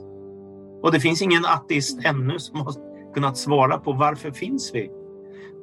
Så, de här så liksom anslaget är liksom skapelsen, livet, kyrkan, Gud, gudsrelationen. Det är inledningen. Del två i boken så är det lite mer så akademiskt seriöst. Då. Så första delen är en Det är berättelse. den delen jag gillar. Den gillar du. Och det, det, ja, jag gillar orkar... första delen. och andra delen, en del orkar inte med det. Men då är det liksom, hur blir Sverige kristnat? Så då har jag läst historia helt enkelt bara om hur Sverige blev kristet. Och det är en enorm förändring från asatro till kristen tro. Fatta vilken skillnad i värderingar, i livsstil, i vad som är rätt och fel och så vidare. Det är en enorm förbättring av samhället. Eh, den andra delen handlar om sekulariseringen då, och det är ju liksom när när Sverige går från att vara ganska kristet, ganska lutherskt och frikyrkligt kristet till att bli väldigt, väldigt sekulariserat. Och det är en väldigt medveten process som politiker, mediafolk och journalister och så vidare har drivit i vårt land och skolan framför allt. Vi hade kristendomskunskap i skolan fram till 60-talet. Och när de valde att ta bort det så samlade ett gäng eh, led, ledande kristna in två miljoner namnunderskrifter på att det inte skulle göras. Och ändå gjorde politikerna det. Och nu när skola, media och eh, politik har drivit sekularisering så har man lyckats. Och det betyder att, som en präst skrev till mig, att när unga människor kommer till konfirmationen idag så är det en nybörjarkurs. Och när jag började så var det en bekräftelse av människors tro. Alltså det har hänt något på 40-50 år här. Alltså man vet ingenting om Jesus, ingenting om Gud, ingenting liksom så. Så det handlar den delen om. Och det tredje är en global utblick bara också som för mig har varit så befriande då där jag har, jag har fått förmånen då att resa ganska mycket i min tjänst, både i USA och i Afrika och i Asien och i Europa. Så de här fyra kontinenterna har jag besökt ett antal länder och då ser jag hur stor kyrkan är. Alltså var tredje människa på jorden tillhör en kyrka och varje dag är det nästan hundratusen människor som kommer och blir medlemmar eller blir döpta in i en församling och så. Så vi är världens största rörelse. Vi är den rörelse som välkomnar enormt mycket människor dagligen in om man räknar alla samfund och kyrkor. Tredje delen, det här är mittendelen då som var lite mer akademisk. Så tredje delen är också om man vill följa Jesus då, hur ska man göra då? Och då har jag skrivit om eh, kärlekens väg, vishetens väg, eh, eldens väg och massa så här, sju olika sätt. Liksom. De här vägarna kan man vandra på om man vill följa Jesus. Typ så det är att ta konsekvensen av icke-sekularisering utan vara en, en kristen och en människa som vill leva med Gud och med Jesus. Typ så. Så att jag, för mig är det liksom det du sa från början Silla. Jag, jag tänker, har man läst min bok på 270 sidor så jag tror det blir väldigt svårt att bara förlöjliga kristen tro. Jag har argumenterat varför jag tror att universum existerar utifrån Gud, så du får ju argumentera bättre i så fall varför du inte tror det. Liksom. Alltså, ni med, det går inte bara att skjuta så här skapa jul på jul på sju dagar. Alltså, såna där, det funkar inte om man kan säga men i den hebreiska grundtexten står det och så här tänker jag om vetenskap och tro. Och liksom, ja, men förstår ni? Så att jag tänker, jag har mm. försökt mm. skriva en bok som man får grotta och det går i alla fall inte enkelt att avfärda. Typ så. Mm. Vem tänker du primärt att du har skrivit den här boken till? Då? Är det till kristna eller är det till gnostiker? Eller liksom, vem ska läsa din bok? Det är ju, nej men jag, har, jag är hopplös. Jag har en bred målgrupp. Jag är, jag är precis som en av mina favoritpastorer i Los Angeles. Han fick frågan, predikar du för kristna eller för icke-kristna? Jag predikar för människor, sa han. Mm, vad eh. skönt att höra sånt, för jag är också en sån hopplöst bred person som hela tiden önskar att jag vore lite mer nischad, men jag är liksom all over the place. Ja, nej, men, som är lite likadant. Ja, men jag vet till exempel en av mina vänner som skriver mycket böcker som heter Mikael Telbe som jobbar på Örebro teologiska högskola. Mm. Han, säger ju... för några avsnitt sen. Vad sa du? Mm, han, han har haft några avsnitt sen. Ja, vad kul. Han, mm. eh, han eh, sa jag skriver för bibelskoleelever. Och det är väldigt enkelt. Mm. Då, Men jag är ju, alltså problemet med mig är att jag är både teolog och eh, evangelist. Så jag är liksom lite för eh, hopplös. Så jag trivs ju både med djupingar som brottas mm. med livets stora frågor och med de som vill säga du har väl tagit emot Jesus som din frälsare, typ så. Så mm. därför blir jag, jag blir väldigt bred när jag skriver. Eh, och mm. den som väl kanske inte orkar med mig är väl den som är liksom eh, lite glättig och, och, bara vill ha enkla frågor och enkla, alltså då kanske jag grottar lite för mycket. Men annars så skriver jag för mm. vanliga människor. Och jag, jag tänker så här också Silla, den här indelningen med kristna och kristna är ju helt riktig på ett sätt. Därför att den är biblisk och man har blivit troende och döpt och så vidare. Men samtidigt så tänker jag i ett mm. skapelseperspektiv så är alla människor. Och det är därför mm. jag tror att när jag träffar eh, Oavsett om jag träffar landshövdingen eller om jag träffar min granne eller om jag träffar en ateist eller en djupt from människa så är vi ganska lika egentligen. Mm. Och, och jag tror att eh, när man står vid en grav så, så liksom alla funderar, alla brottas. Det är inte något enkelt liksom, jag är ateist och punkt. Eller jag är kristen, mm. punkt. Liksom. Utan jag tror alla människor söker, alla mm. brottas, alla funderar. Så, och, och jag märker, ja, det är också väldigt häftigt. Va? Som pastor hamnar man ju liksom i alla möjliga sammanhang. För man har begravningar och bröllop och man eh, träffar politiker och man är i församlingen. Och jag konstaterar att alla människor har samma frågor. Men kan du se ibland liksom mänskligheten som, nu måste jag tillbaka till det här föräldrar-barn-temat lite grann. Ja, det... men kan du inte se ungefär mänsklighetens utveckling som att vi har hamnat i någon slags eh, tonårstid. Mm. Tonåringar ifrågasätter ju väldigt mycket. De ska hitta sina egna eh, vägar och eh, bara för att man själv som förälder verkar eh, tråkig, utdaterad, och säger det här inom situationstecken, ehm, så måste man ju förklara på andra sätt. Samtidigt som barnuppfostran genom tid har ju också förändrats. Man skulle ju vara väldigt hård tidigare. Det var jag, det var ens ord var det, det som sades helt enkelt. Och nu är det ju mera, eh, vad heter det nu, eh, pedagogisk. Nej, alltså man ska vara väldigt mjuk. Alltså man ska uppfostra på ett helt annat sätt helt enkelt. Mm. Kan du se liksom någorlunda samband med utvecklingen av mänskligheten gentemot eh, tron. Att mm. nu måste vi hitta andra vägar. Ja. Ja, skitbra Intressant reflektion Tess. Ja, den, den där var... Ja. Mm. Den är briljant. Ja, ja, men absolut. Och frågan är hur man gör det. Eh, det är, det är en 10 000 kronors fråga verkligen. Jag håller helt med mm. dig. Jag, och jag själv, alltså i min människosyn så har jag gjort en resa jag, har, men jag kom ju med som blev kristen och kom med i pingströrelsen och sen så läste jag teologi på Örebro teologiska högskola. Eh, och så blev jag pingstpastor. Sen ett tag så läste jag Luther och Calvin och de här väldigt mycket. Och då så fick jag en väldigt mörk människosyn. De säger ju liksom inte ett spår av renhet finns kvar och människan är totalt fördärvad av synden och sådär. Och sen så kände jag bara, men det här stämmer ju inte. Därför att när jag lämnar mina barn hos eh, dagisfröknarna så är de som inte är kristna och de som är kristna, de är ungefär lika snälla. Alltså de är väldigt fina människor. Mm. Och nu har det gått 20 år till och då har jag sett så mycket av människors brustenhet. Eh, relationer går sönder. Eh, barn och föräldrar funkar inte ihop. Människor gör otroligt okloka livsval ibland. Förstör för sina familjer. Liksom. Alltså sådana här ologiska grejer. Så jag har nyanserat mig. Jag gick liksom ifrån att läsa Luther ett tag och bara känna att det här får jag slänga åt soporna. Det här är för mörkt. Så jag blev mycket ljusare, liksom mer baptistisk i min eh, människosyn. Eh, men jag har nyanserat mig igen. Det var en väldigt konstigt svar på din fråga, Therese. Men, men jag ser att människor är både starka och väldigt sköra på samma gång. Kan vara otroligt kloka och nästa dag paja sitt liv fullständigt. Så att vi... Mm. Min, min, jag säger om människor nu, de flesta är underbara och djupt komplicerade.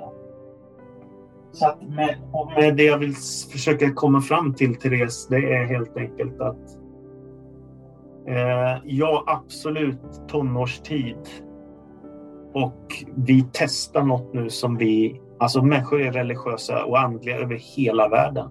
Nästan alla tillhör någon slags världsreligion. Det är en mycket... Alltså det finns... De säger att det finns 200 miljoner ateister i hela världen, det vill säga 7,8 miljarder är inte det. Alltså så, att, så att det är liksom en minoritet som är ateister, en jätteliten minoritet. Men samtidigt i Sverige då så har, har man lyckats med sekulariseringen och jag tänker att det är, det är en djup olycka eftersom människor bara lever i runt 80 år i genomsnitt. Det är en väldigt kort tid.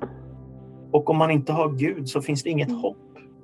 Och då får man chansa lite på, hoppas att det finns något bortom, bortom döden. Eh, eller vi testar lite nyandlighet där och knackar på lite stenar och ropar lite och kör lite yoga. Och, alltså, men för mig det blir så tomt. Mm. Jag behöver Gud. Jag fixar Mm. inte, jag behöver Gud.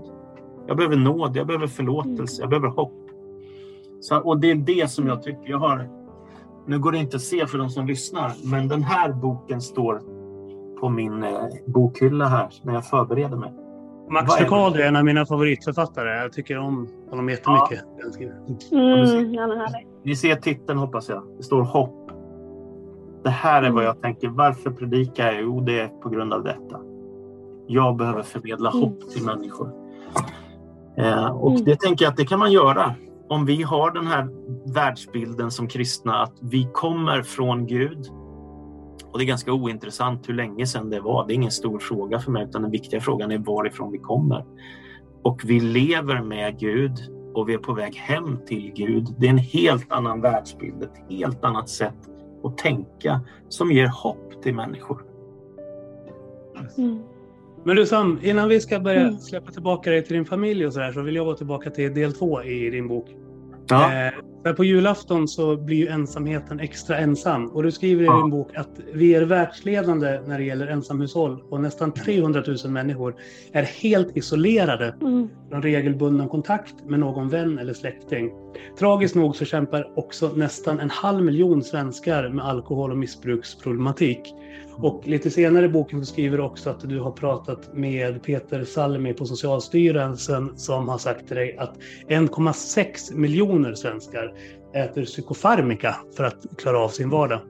Eh, och jag tänker, hur kan vi som församling och medmänniskor eh, gestalta både hopp och ljus in i en sån här samtid? Vad, vad kan vi avstå från för bekvämlighet för att kunna öppna upp både våra hem och våra församlingar för att kunna göra någonting i den här situationen som du beskriver? Mm. Ja, men det är en jättefråga och du var ju inne på den Therese.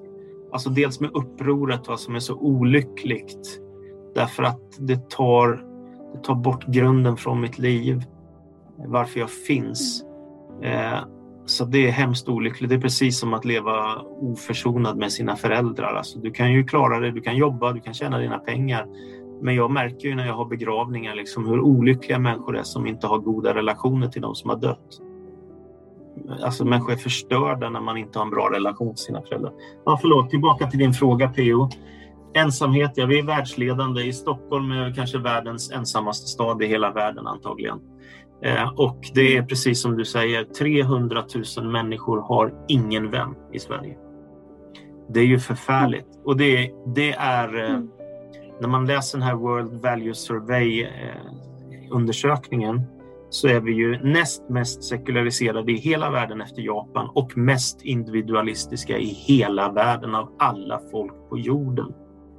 Och jag som är gift med en grek ser kontrasten när jag kommer till Thessaloniki och Aten och så. Det här liksom, wow, hej, åh, åh vad roligt! Och liksom den här, den här totala kollektiva, kärleksfulla, inkluderande kulturen.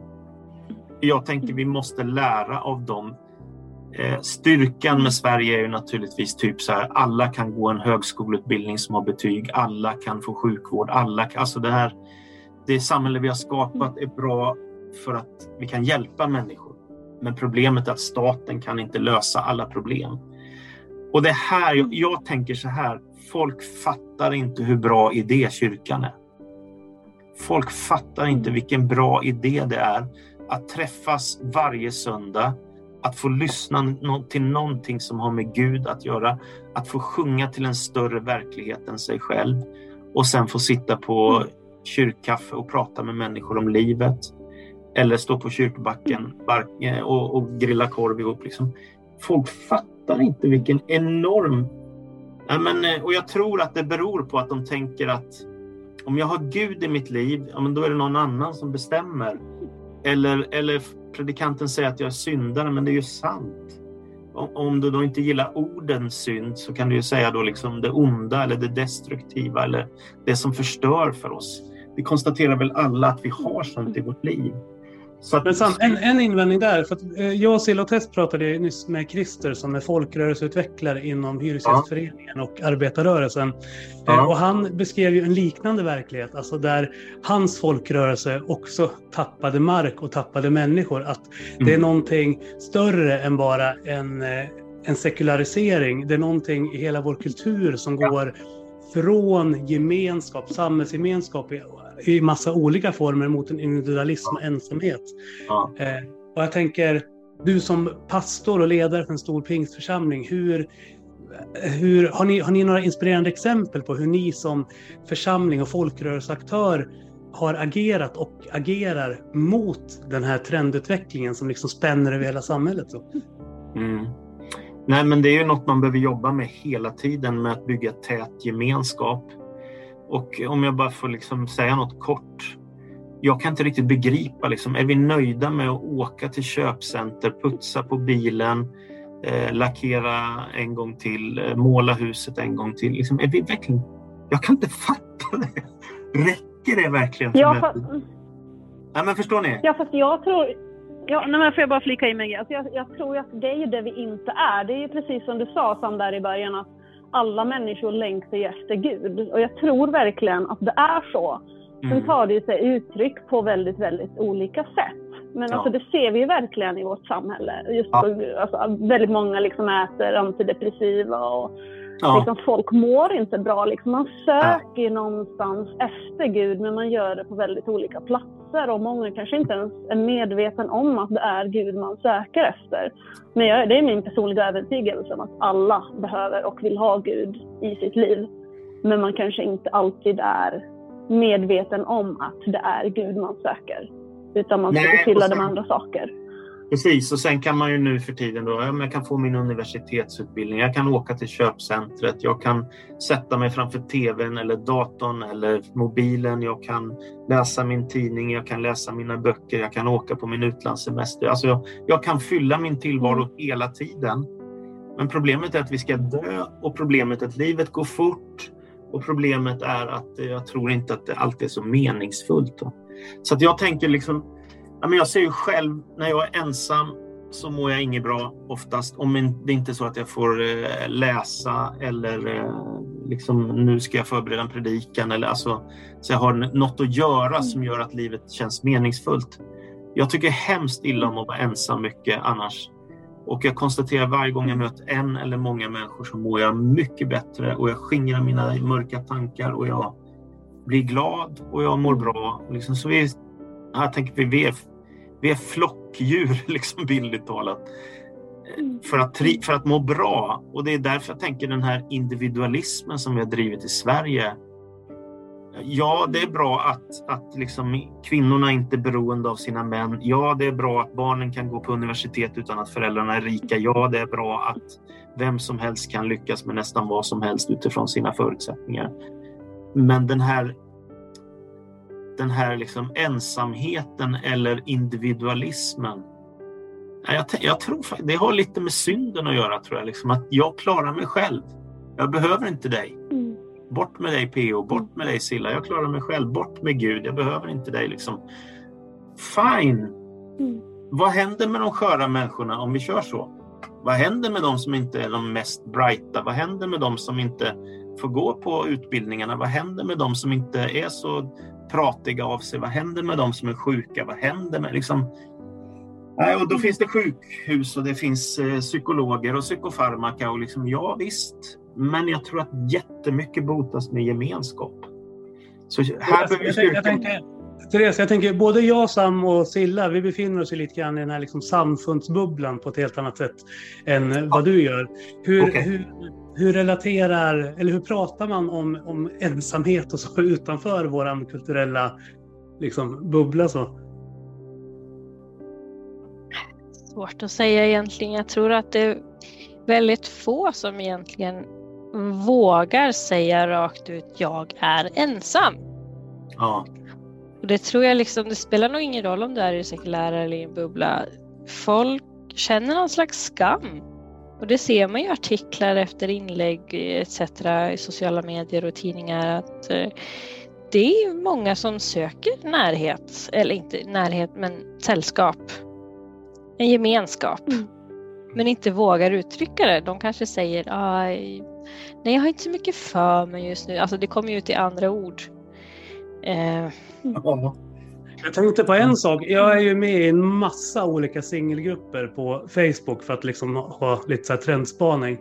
Eh, och e- en sak som både var vackert men samtidigt lite så här, oj hjälp vad ensamma människor är. Det var, det var en sån här singelgrupp med massa människor i medelåldern. Där det började med att en kille i kanske 40-årsåldern skrev så här, Hej, jag har ingen att fira julafton med. Är det någon som är sugen på att hålla med sällskap? Varav en annan man i typ 60-årsåldern svarar Tjabba, jag har nog inte heller det. Eh, vi kanske ska dra ihop något. Varav en tredje man i 45-årsåldern svarar Ja, vart någonstans i landet där ni tänkte hänga? Jag kanske också vill ansluta. Så att så här, det som började mm. som liksom en form av kontaktannons utvecklades till en massa ensamma medelålders män som så här, Ja, mm. men vi kommer sitta ensamma på julafton. Vi kanske ska träffas mm. någonstans i Mellansverige och ta en öl ihop så har vi i alla fall sällskap på varandra. Så. så både vackert samtidigt som det är lite så här tragiskt mm. att vi är så ensamma så att vi måste söka gemenskap med totala främlingar via dating Facebookgrupper. Ja. ja.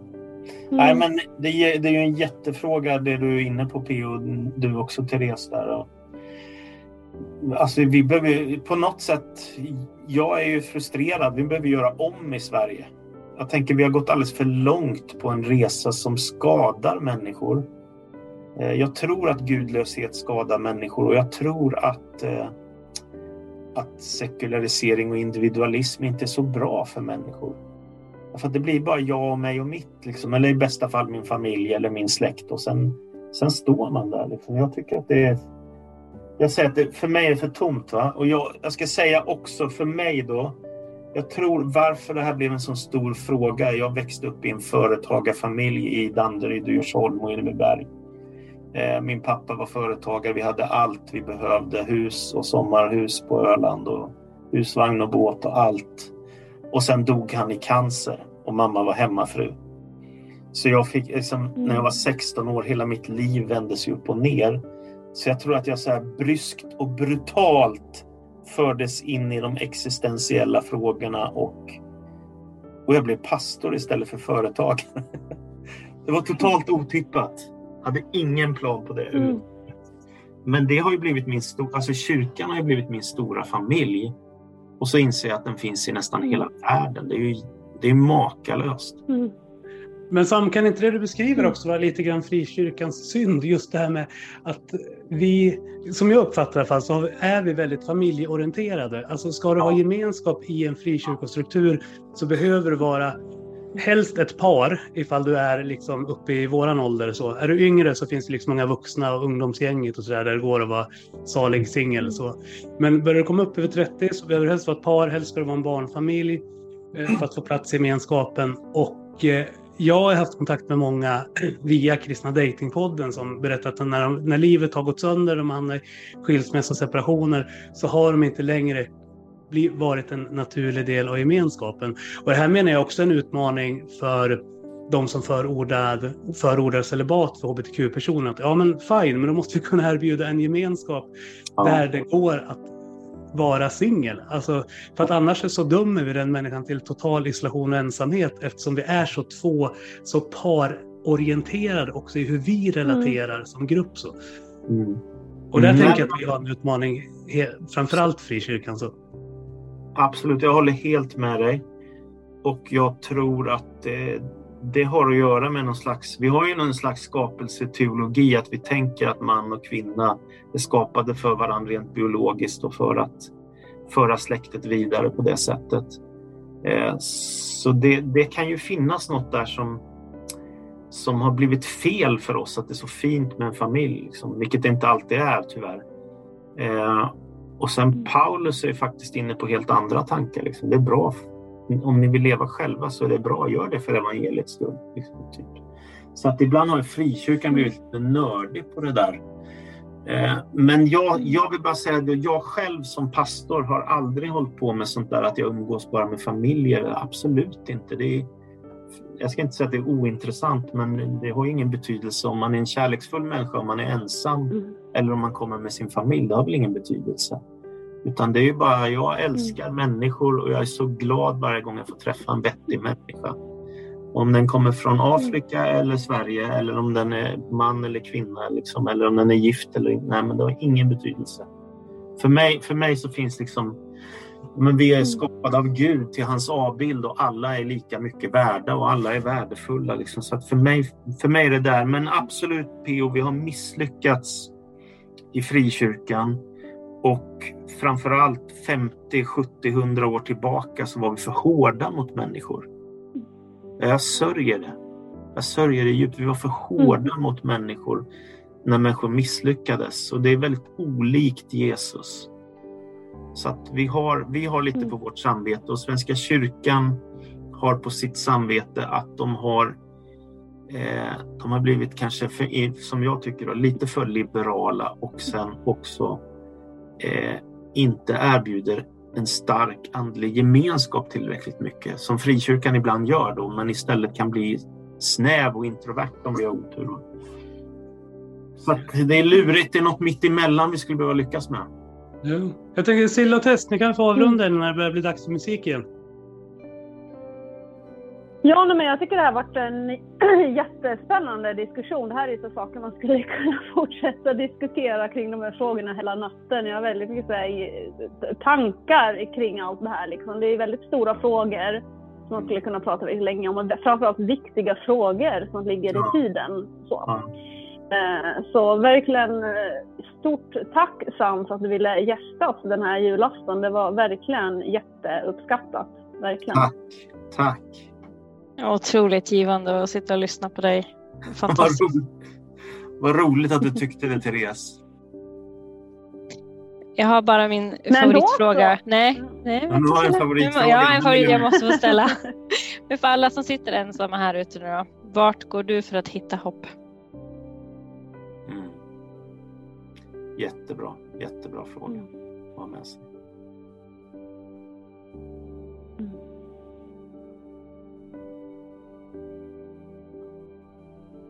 Tänkte du att jag skulle svara? Ja.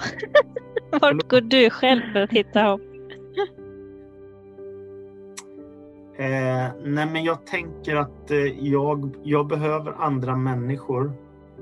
Och jag märker att eh, folk får för sig att jag är väldigt, alltså att de själva är väldigt ensamma. Och jag brukar ibland säga till ensamma människor, men du kanske tror att bara för att jag är pastor att folk ringer mig och frågar om min vänskap hela tiden. Men så är det inte. Alla människor måste aktivt söka gemenskap för att få stark vänskap. Jag måste säga, vill ni träffa mig på nyårsafton? Eh, alltså sen, sen har jag liksom, jag har ju familj och, och eh, vänner och släktingar som, som finns i mitt liv. Men jag måste även jag som har ett antal hundra människor kring mig hela tiden, mer eller mindre, på gudstjänster och på alla möjliga sammanhang. Även jag måste söka gemenskap. Jag måste söka vänskap. Vill du luncha med mig? Vill du, ska vi träffas och ta en fika? Du kan väl komma hem till mig? Och jag, nej men jag bara storälskar att faktiskt de flesta människor är ju ändå intresserade av att umgås. Så menar, vi har precis tvingats att renovera vårt hus och då, jag menar, hur mysigt som helst att sitta och prata med de här bygggubbarna. Och helt plötsligt får de lite djupare samtal. Det är jättebra, det är jättekul. Nej, så att, mm. nej men jag, vad går jag? Jo, men jag går till kyrkan för att få hopp. Jag går till Bibeln för att få hopp. Jag går ut i skapelsen för att få hopp. Jag, jag umgås med människor för att inte bli deprimerad. Jag, eh, jag hela tiden aktivt söker gemenskap, söker tro, söker hopp. Eh, så att, mm. och, jag, jag tror att man ska inte tro... Jag skulle tro att det är extremt få människor som är jagade hela tiden och folk springer i klungor efter dem. Jag skulle, det, det, de finns inte många av. De flesta måste säga hej, vill du komma hem till mig? Hej, ska vi träffas och käka på stan? Hej, Ska vi köra en tacokväll? Hej, ska vi grilla? Det funkar inte annars. Och problemet med Sverige, det är ju att vi inte har det här i vänskap och släkt som man har i Afrika. Eller som man har i Asien i kollektiva kulturer. Där är liksom alla, alla i familjen och släkten bor på samma plats ofta och är tillsammans. Medan vi, vi är utspridda över halva landet och världen. Så ska vi skapa något som vi inte har. Och det klarar inte alla. Mm. Yes. Silla, det var någonting du ville komma in med också innan vi går över till nästa programpunkt. Uh, nej, jag, nej, det var inget speciellt. Det var nog mest att vi har ju lite musik här också som vi ska lyssna på. Yes. Och det är Anna Martinsson från Göteborg som har skrivit en julsång som heter just Jag söker ljus. Så den är lite på samma tema som din fråga var Tess. Så vi lyssnar på det. Anna Martinsson, Jag söker ljus. Det är mörkt ute, faller regnet som någon låtsas i snö. På radion sjungs toner om något som ska hända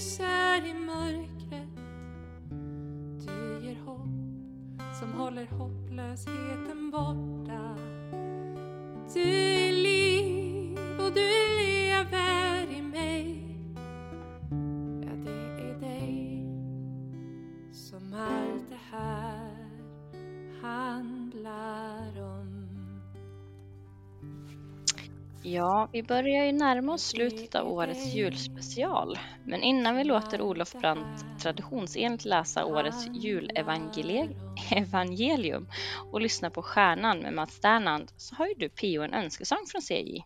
Ja, precis säger Vi kan ju inte låta det gå tillbaka till familjen innan jag fått hört en av mina absoluta favoriter. Och det är ju O helga natt. Alltså min med! Alltså det som gör kristendomen unik det är ju att vi inte tror att ordet enbart förblev ord i olika heliga skrifter. Vi tror inte att Gud enbart är en kraft långt där borta. Nej, vi tror på en Gud som låter oss kalla honom far. På en Gud som inte vill se våra blinda underkastelse utan vill ha en nära och förtrolig relation med oss. Mm. Vi tror att ordet klev ned i mänsklig gestalt och blev kött, så att var och en som tar sin tillflykt och ställer sitt hopp till honom vars liv, död och uppståndelse vi berättar om för evigt ska ha frid. CJ, kan inte du läsa den där så kallade lilla bibeln, Johannes 3.16? Eh, Det kan jag. Jag ska försöka i alla fall. Så älskade Gud världen att han gav den sin enda son för att de som tror på honom inte ska gå under utan ha evigt liv. Ty Gud sände inte sin son till världen för att döma världen utan för att världen skulle räddas genom honom. Den som tror på honom blir inte dömd, men den som inte tror är redan dömd eftersom han inte har trott på Guds enda sons namn. Och detta är domen, att när ljuset kom in i världen, då älskade människorna mörkret mer än ljuset, eftersom deras gärningar var onda. Den som gör det onda avskyr ljuset och kommer inte till ljuset, för att hans gärningar inte ska avslöjas. Men den som handlar efter sanningen, han kommer till ljuset, för att det ska bli uppenbart att han gör vad Gud vill. Så vad är den sanning Gud önskar att vi tillägnar oss och lever efter? Älska Gud, älska varandra, som älskar mig, jag, mitt, ja, oss själva. Ja, och jag tror att det är viktigt att vi kommer ihåg också att den samtid som vi firar att Jesus klev ned i eh, nu här på jul, det, den var hård och svår för många människor. Vi talar idag ganska lättsamt om begrepp som alla människors lika värde och att grupper av människor som vi av olika anledningar inte gillar inte tror på alla människors lika värde. Den stora kardinalsynden i den svenska offentligheten. Ja, och i den samtid som Jesus klev fram i så var ju människor också strikt inordnade i så här hierarkiska strukturer. En tid där kvinnor, slavar, föräldralösa och invandrare kunde brukas, torteras och faktiskt också avlivas. Helt utelämnade till sina herrars luster och infall. Och till denna samtid så kliver Jesus ner och ger oss grunden till en av våra absolut mest älskade julsånger som mässats från varje kommersiell radiokanal alltså de senaste veckorna. Sången om då gudamänniskan till jorden steg ner. För att försona oss med varandra och Gud från världens brott och synder. Genom att han i vårt ställe uthärdade den tortyr och död vi enligt Guds lag rättmätigt kan utkräva av varandra för alla de orätter och ondska som vi utsätter varandra för. En stråle av hopp gick då igenom världen. Ett ljus som skimrade och ännu lyser upp det kompakta mörker vi människor skapat över både land och hav med, med vår oförsonlighet, slughet, överkonsumtion och krigiskhet. Ja, folk föll då neder och hälsade glatt sin frihet. Frihet från vad kan vi fråga oss? Metaforer används till och med om att Jesus krossat våra tunga bojor. Att Jesus med sin plågsamma offerdöd befriade både vår jord och på kuppen även öppnade självaste himlen för oss. Med Jesus dag, Herrens dag, Fars dag inleddes en ny epok i den mänskliga historien början på slutet eller slutet av inledningen. En ny era där vi gavs gåvan att ut i de människor som vi uppfattar står under oss ges gåvan att istället se en älskad broder. Gud påbörjade processen att låta fjällen falla från våra ögon och genom nåden låta även våra ovänner bli oss kära. Ja, så nu förstår ni varför det här är vår absoluta favoritlåt. Men säg, vad betyder den här låten och Helga natt för dig? Hur kommer det sig att den fick vara med? Många julsånger var kallade, men få var utvalda har vi förstått. Mm. Ja, nej, men jag skriver under på, på allt det här. Det här är ju julsång eh, nummer ett också för mig. Och jag menar, den är ju liksom Gud blev människa och hela den eh, gigantiska frälsningsplanen liksom ipackat i en fantastisk eh, melodi helt enkelt.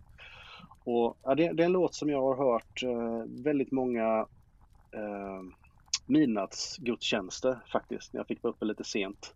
Där en församlingsmedlem vid namn Jörgen Birgersson sjöng denna på, ja, i absolut världsklass gjorde han detta. Han borde, alla borde lyssna på hans version faktiskt. Men nu är inte han här idag, men vi får väl ta min, tänker jag. Yes. Vi ska lyssna på O helga natt med Seger Grimmark och efter det så kommer Olof Brandt från Bibeln idag och läser julevangeliet. Och sen avslutar vi som vi traditionsenligt på Kristna Datingpodden brukar avsluta våran julspecial med att låta Mats Sternand eh, spela sin låt Stjärnan. Men tack så jättemycket för att ni har varit med och eh, firat, ja lilla julafton är det ju inte. Men... Nej nu är det ju stora julafton. Ja, ja, ja. men precis. Nej men verkligen liksom. Supertack alla som har lyssnat. Det har varit jättekul och väldigt tacksam och glad att ni har valt att spendera julafton tillsammans med oss. Ja, och särskilt tack till dig Seje som liksom hoppade in så här friskt och bara ersatte Fritjof på en, på en tioöring. Helt utan förberedelse och liksom bara, ja men ägde den rollen liksom. Den strävsamma arbetaren. Det behövs Mm. en sån också liksom i den här sociala dynamiken. Tack Ja, verkligen. Tack hörni. Ja, tack själv. Ha en jättefin jul. Ja, och du får det så bra på sjukhuset Tess. Alltså det är ju hjältar som jobbar och bemannar välfärden på sådana här storhelger. Medan Mm. vi sitter och har det mysigt så tar de hand om folk som har blivit deprimerade och hoppat från balkonger och allt vad nu kan komma in på just Mm. julafton. Mm. Yes. Hälsa så mycket till Eleonora också säger vi. Och ha Det en ska jag göra. jättegod jul. Och jag vet inte Silla, de som sitter ensamma, de kanske behöver en stor Jo, vet du Puss vad de behöver? kram. Jo, de behöver en stor puss och kram.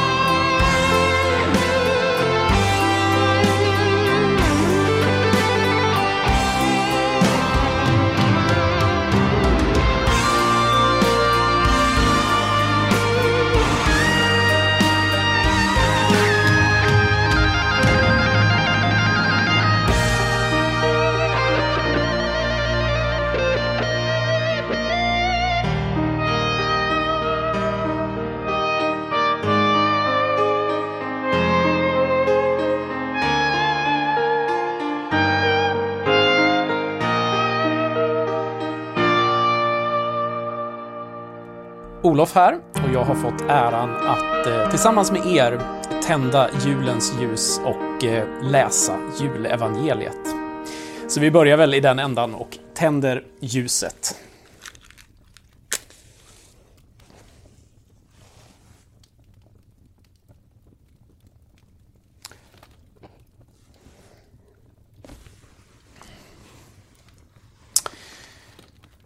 Vid den tiden utfärdade kejsar Augustus en förordning om att hela världen skulle skattskrivas. Det var den första skattskrivningen och den hölls när Quirinius var ståthållare i Syrien.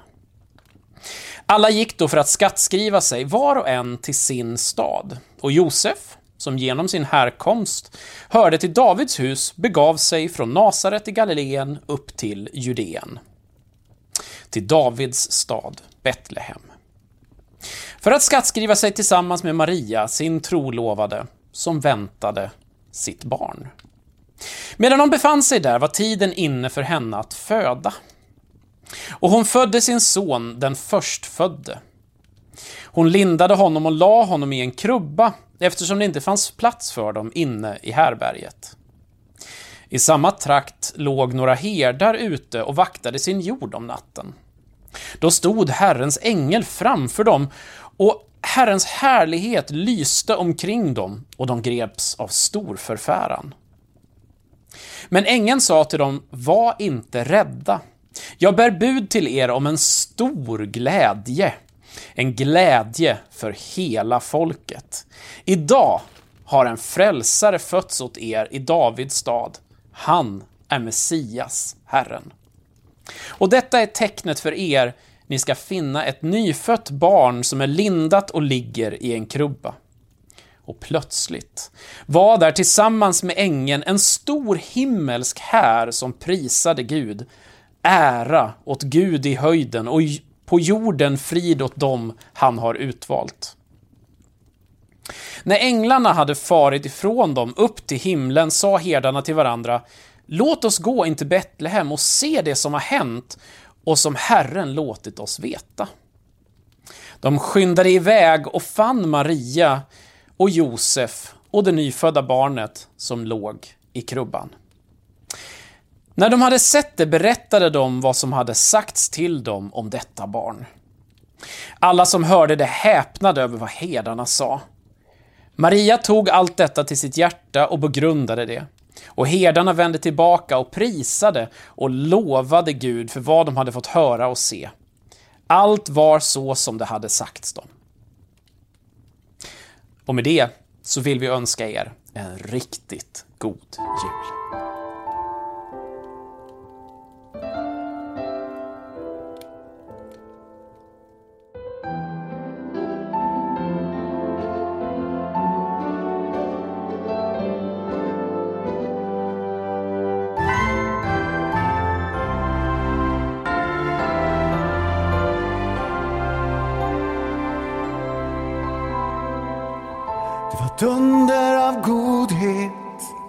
En stråle av kärlek för ödmjuk för ondskan att förutse. När allt var som mörkast, det tändes en stjärna. Den störste blev liten, ett hjälplöst barn. Gud slog upp en bro och blev som din bror.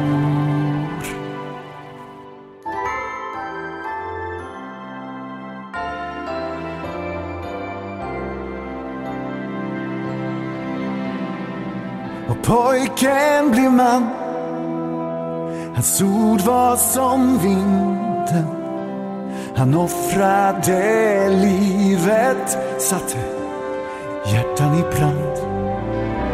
Hans folk fyllde jorden Men svek honom ändå. Men de stred och förtryckte i hans namn. Hur blev all ödmjukhet till maktfullkomlighet?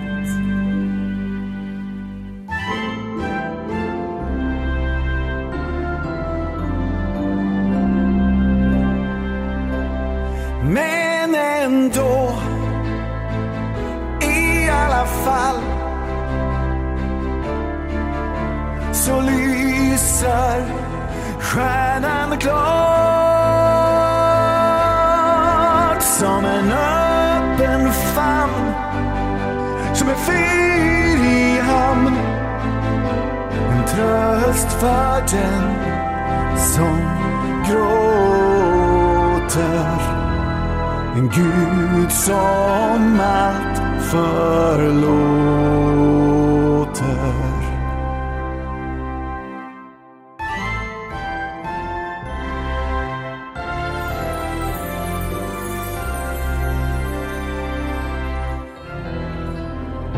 Och nu är vi här. Och vi längtar till julen. Fast den blivit något annat för de flesta av oss. Till en högtid då vi satt oss själva i centrum. Till glitter och julgran och julmusik. Till en god affär. En fest för havbegär